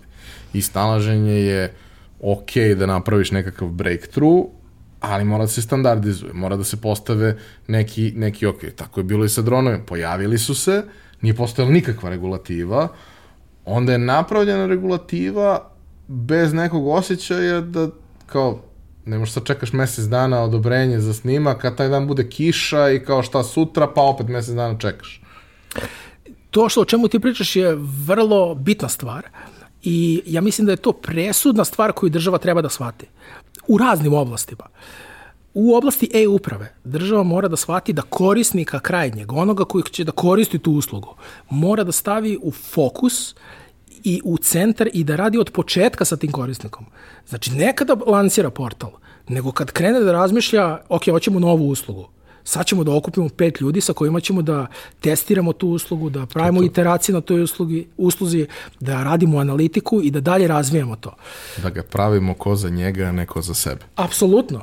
A to pravljenje ko za sebe je u stvari ono što mi imamo sada i imamo u poslednjih deset godina. Da su uglavnom te stvari, korisnici se tu angažuju tek kad im se objasni na dnevniku da postoji neki novi portal. Mi smo imali nedavno neku situaciju, tražili smo neki, neku dozvolu koja se nešto plaća i sad dobio sam izgenerisan predračun kroz sistem, sve je elektronski, dobio sam izgenerisan predračun kroz sistem, platio predračun, prošla uplata, zovemo, da, da, kao uplata je prošla, ali nije stigo zahtev. Kako da. nije stigo zahtev, popunili smo ga. I se uloguješ se stoji zahtev. E, dole u ćošku ima dugme pošalji za koje I to niko nikakve nije veze nema, sa, mislim, vizualno nikakve veze nema sa tim zahtevom, kad ga gledaš, deluje ti kao da je to neki link na kontakt formu ili nešto. I da ti žena objasni telefonom da to tako radi. I sećam se i kroz projekat moja firma, naj uh, vrednije stvari koje smo mi napravili u toj bazi, osim divnih priča koje smo ispričali i pomogli nekim ljudima motivacijom i sve to, najvrednije stvari su bile izađe novi servis, izađe za uputstvo tog servisa, izađe uputstvo za korišćenje tog servisa I onda mi sednemo da napišemo uputstvo za korišćenje uputstva, pošto to uputstvo koje je izašlo po tome niko ne ume da koristi taj servis. Ili još gore, taj servis reši samo deo posla, pa ti jedan deo odradiš online, a onda moraš da ideš offline, ne znam, da radiš uplate ili da odeš na drugi šalter, nešto drugo da odradiš. I to je veliki problem, znači, pod broj jedan fokus na korisnika i rad sa samim korisnikom i praćenje celog tog user journey, znači celog tog puta koji neko prođe da Kao bi uradio da radiš nešto. komercijalnu stvar, samo država nikad nije razmišljala na tržišni na način. takav način. Tako da ovaj to je jedna stvar koju vidim da je ovaj apsolutni prioritet za ovaj za dalji razvoj upravo u Srbiji. Ovaj ali to je vezano i za druge oblasti. Znači, ako mi sad razmišljamo o tome kako da podignemo, ne znam, industriju dronova ili, ili industriju veštačke inteligencije ili bilo šta drugo, moramo da pođemo od tih krajnjih korisnika ili od tih Da pričamo sa njima. ili od tih firmi, da pričamo sa njima i da gledamo celinu. Znači, nije dovoljno da se samo sektorski radi, nego mora da se gleda celina. ce- Znači, ako se priča o, ne znam, veštačkoj inteligenciji, mora da se razmišlja ne samo o uh, tehničkom aspektu toga, mora da se razmišlja o etičkom aspektu, o privatnosti, mora se razmišlja o međunarodnom okviru, uh, za trgovinu takođe, još gore, i to nam je isto pokazala korona, da sad svi hoće da nešto rade sa elektronskom trgovinom, da ljudi hoće da naručuju, da ljudi hoće da prodaju, ali da nam je logistika potpuna katastrofa. I da smo možda rešili problem plaćanja, ali da je sada dostava baš veliki problem. I to isto pokazuje da ti moraš da posmatraš e-trgovinu kao ceo proces. Tako je. Znači, i da, i da, je, da je celo korisničko iskustvo zavisi od svakog dela tog procesa. Koliko lako si nešto naručio, koliko si lako nešto platio, koliko si zadovoljan dostavom. Da li nešto možeš da izvezeš kao trgovac. Tako da, uh, uh, mislim da su to ključne dve stvari. Znači, ima mnogo oblasti u kojima će da se radi u sledećoj vladi, od 5G-a, preko uh, infrastrukture, preko infrastrukture za, za, ovaj, za internet u ruralnim područjima, preko primjena nove strategije veštačke inteligencije, daljeg razvoja uprave, ali za sve to mislim da, su, da, je, da, su, da, je, da je bitan taj fokus na onome s kim se to radi i za koga se radi i praćenje celog tog uh, procesa, bilo da se radi o, o, o nekome ko koristi uslugu, nekome ko naručuje, nekome ko prodaje, znači da se isprati taj ceo proces i da se sve institucije koje se nalaze na tom putu uključe i pokriju. I to zaista nije lako. To jeste nešto što apsolutno zahteva da ova tema digitalizacije ostane na agendi naredne vlade i da budući premijer ili premijerka uh, zadrži ovo kao fokus. Jer upravljati tim celim sistemom i da tako kažem koordinirati sve te državne institucije najrazličitije koje imaju neki segment u neki mali delić u celom ovaj u celom procesu je dosta teško kad imate možda samo ministra ili kad imate neku jednu instituciju koja se time bavi. Drugo institucija će napraviti problem. Tako da ovaj to je neka moja poruka, ovaj da nam je potreban kontinuitet i da ovo mora da ostane prioritet. Uh, i da su ova dva principa, mislim, ovaj, ključni za sve što će se dalje raditi, a sad o oblastima, mislim, može se pričati do preko sutra. Ima toliko oblasti u koje, u koje moramo da dižemo, što bi se reklo, u oblasti IT-a i uopšte primene IT-a u, ovaj, u našoj i IT industriji i u drugim industrijama. Ovaj, naše, mislim, naša industrija i naše ovaj, sektor usluga je ostalo generalno manje koriste ovaj, i prodaju preko interneta i IT rešenja i za svoje funkcionisanje i za svoj rad, tako da i to mora se promene. Znači, mnogo oblasti ima, ima mnogo posla za sve. U Ima narednih, mnogo prostora za, za napred. ima mnogo prostora za rad, znači daleko od toga smo pri kraju, ovaj, rekao bih da... Ali kraj ne postoji. Pa kraja nema, tako je. To je stvar koja se stalno Pokretna meta, tako je. Markoviću, hvala ti što si bio, što si me podsjetio na traume iz detinjstva, rane mladosti, kasnije mladosti i današnjeg dana. E, Hvala ti što si podelio sa nama ovu priču. Hvala tebi. Iskreno, jedva čekam da e, dopuniš materijal, uobličiš ga i izađe kao knjiga. U posljednje vreme dosta radim recenzije knjiga prijatelja i bit će mi vrlo drago da i tvoju podelim sa javnošću kad, kad dođe vreme za to. E pa hvala ti. A kao i e, do sada Epson je podržao i ovu epizodu i hvala im na tome. Hvala i vama što ste nas slušali, nadam se da vam je bilo interesantno. Pišite, a, pišite i Marković, on mnogo voli kad mu pišu. Naročito kad mu pišu na Twitteru, on, on skuplja tamo neke čudne ljude i stalno objavljuje neke interesantne informacije i čak i ako ti se malo smuči da budeš up to date u svakom trenutku sa svim tim stvarima, nije zgoreg jednom u 7 dana proskrolovati kroz njegov Twitter i videti Twitter, šta se Facebook, to nešto LinkedIn, ovaj, tako je. zanimljivo desilo u, u, u prethodnom periodu. Hvala vam na pažnji i ovaj, kao i do sada šaljite svoje predloge, sugestije i ideje na društvene mreže ili putem maila. Ostavite komentare na YouTube-u ako vas zanimaju neke od tema koje smo pričali i neki specifični momenti, tu ovaj, pitajte, Marković će odgovoriti, odgovorit ću i ja ako znam po nešto. Uh, bilo je ovo jedno zanimljivo iskustvo, a naredna epizoda vas čeka.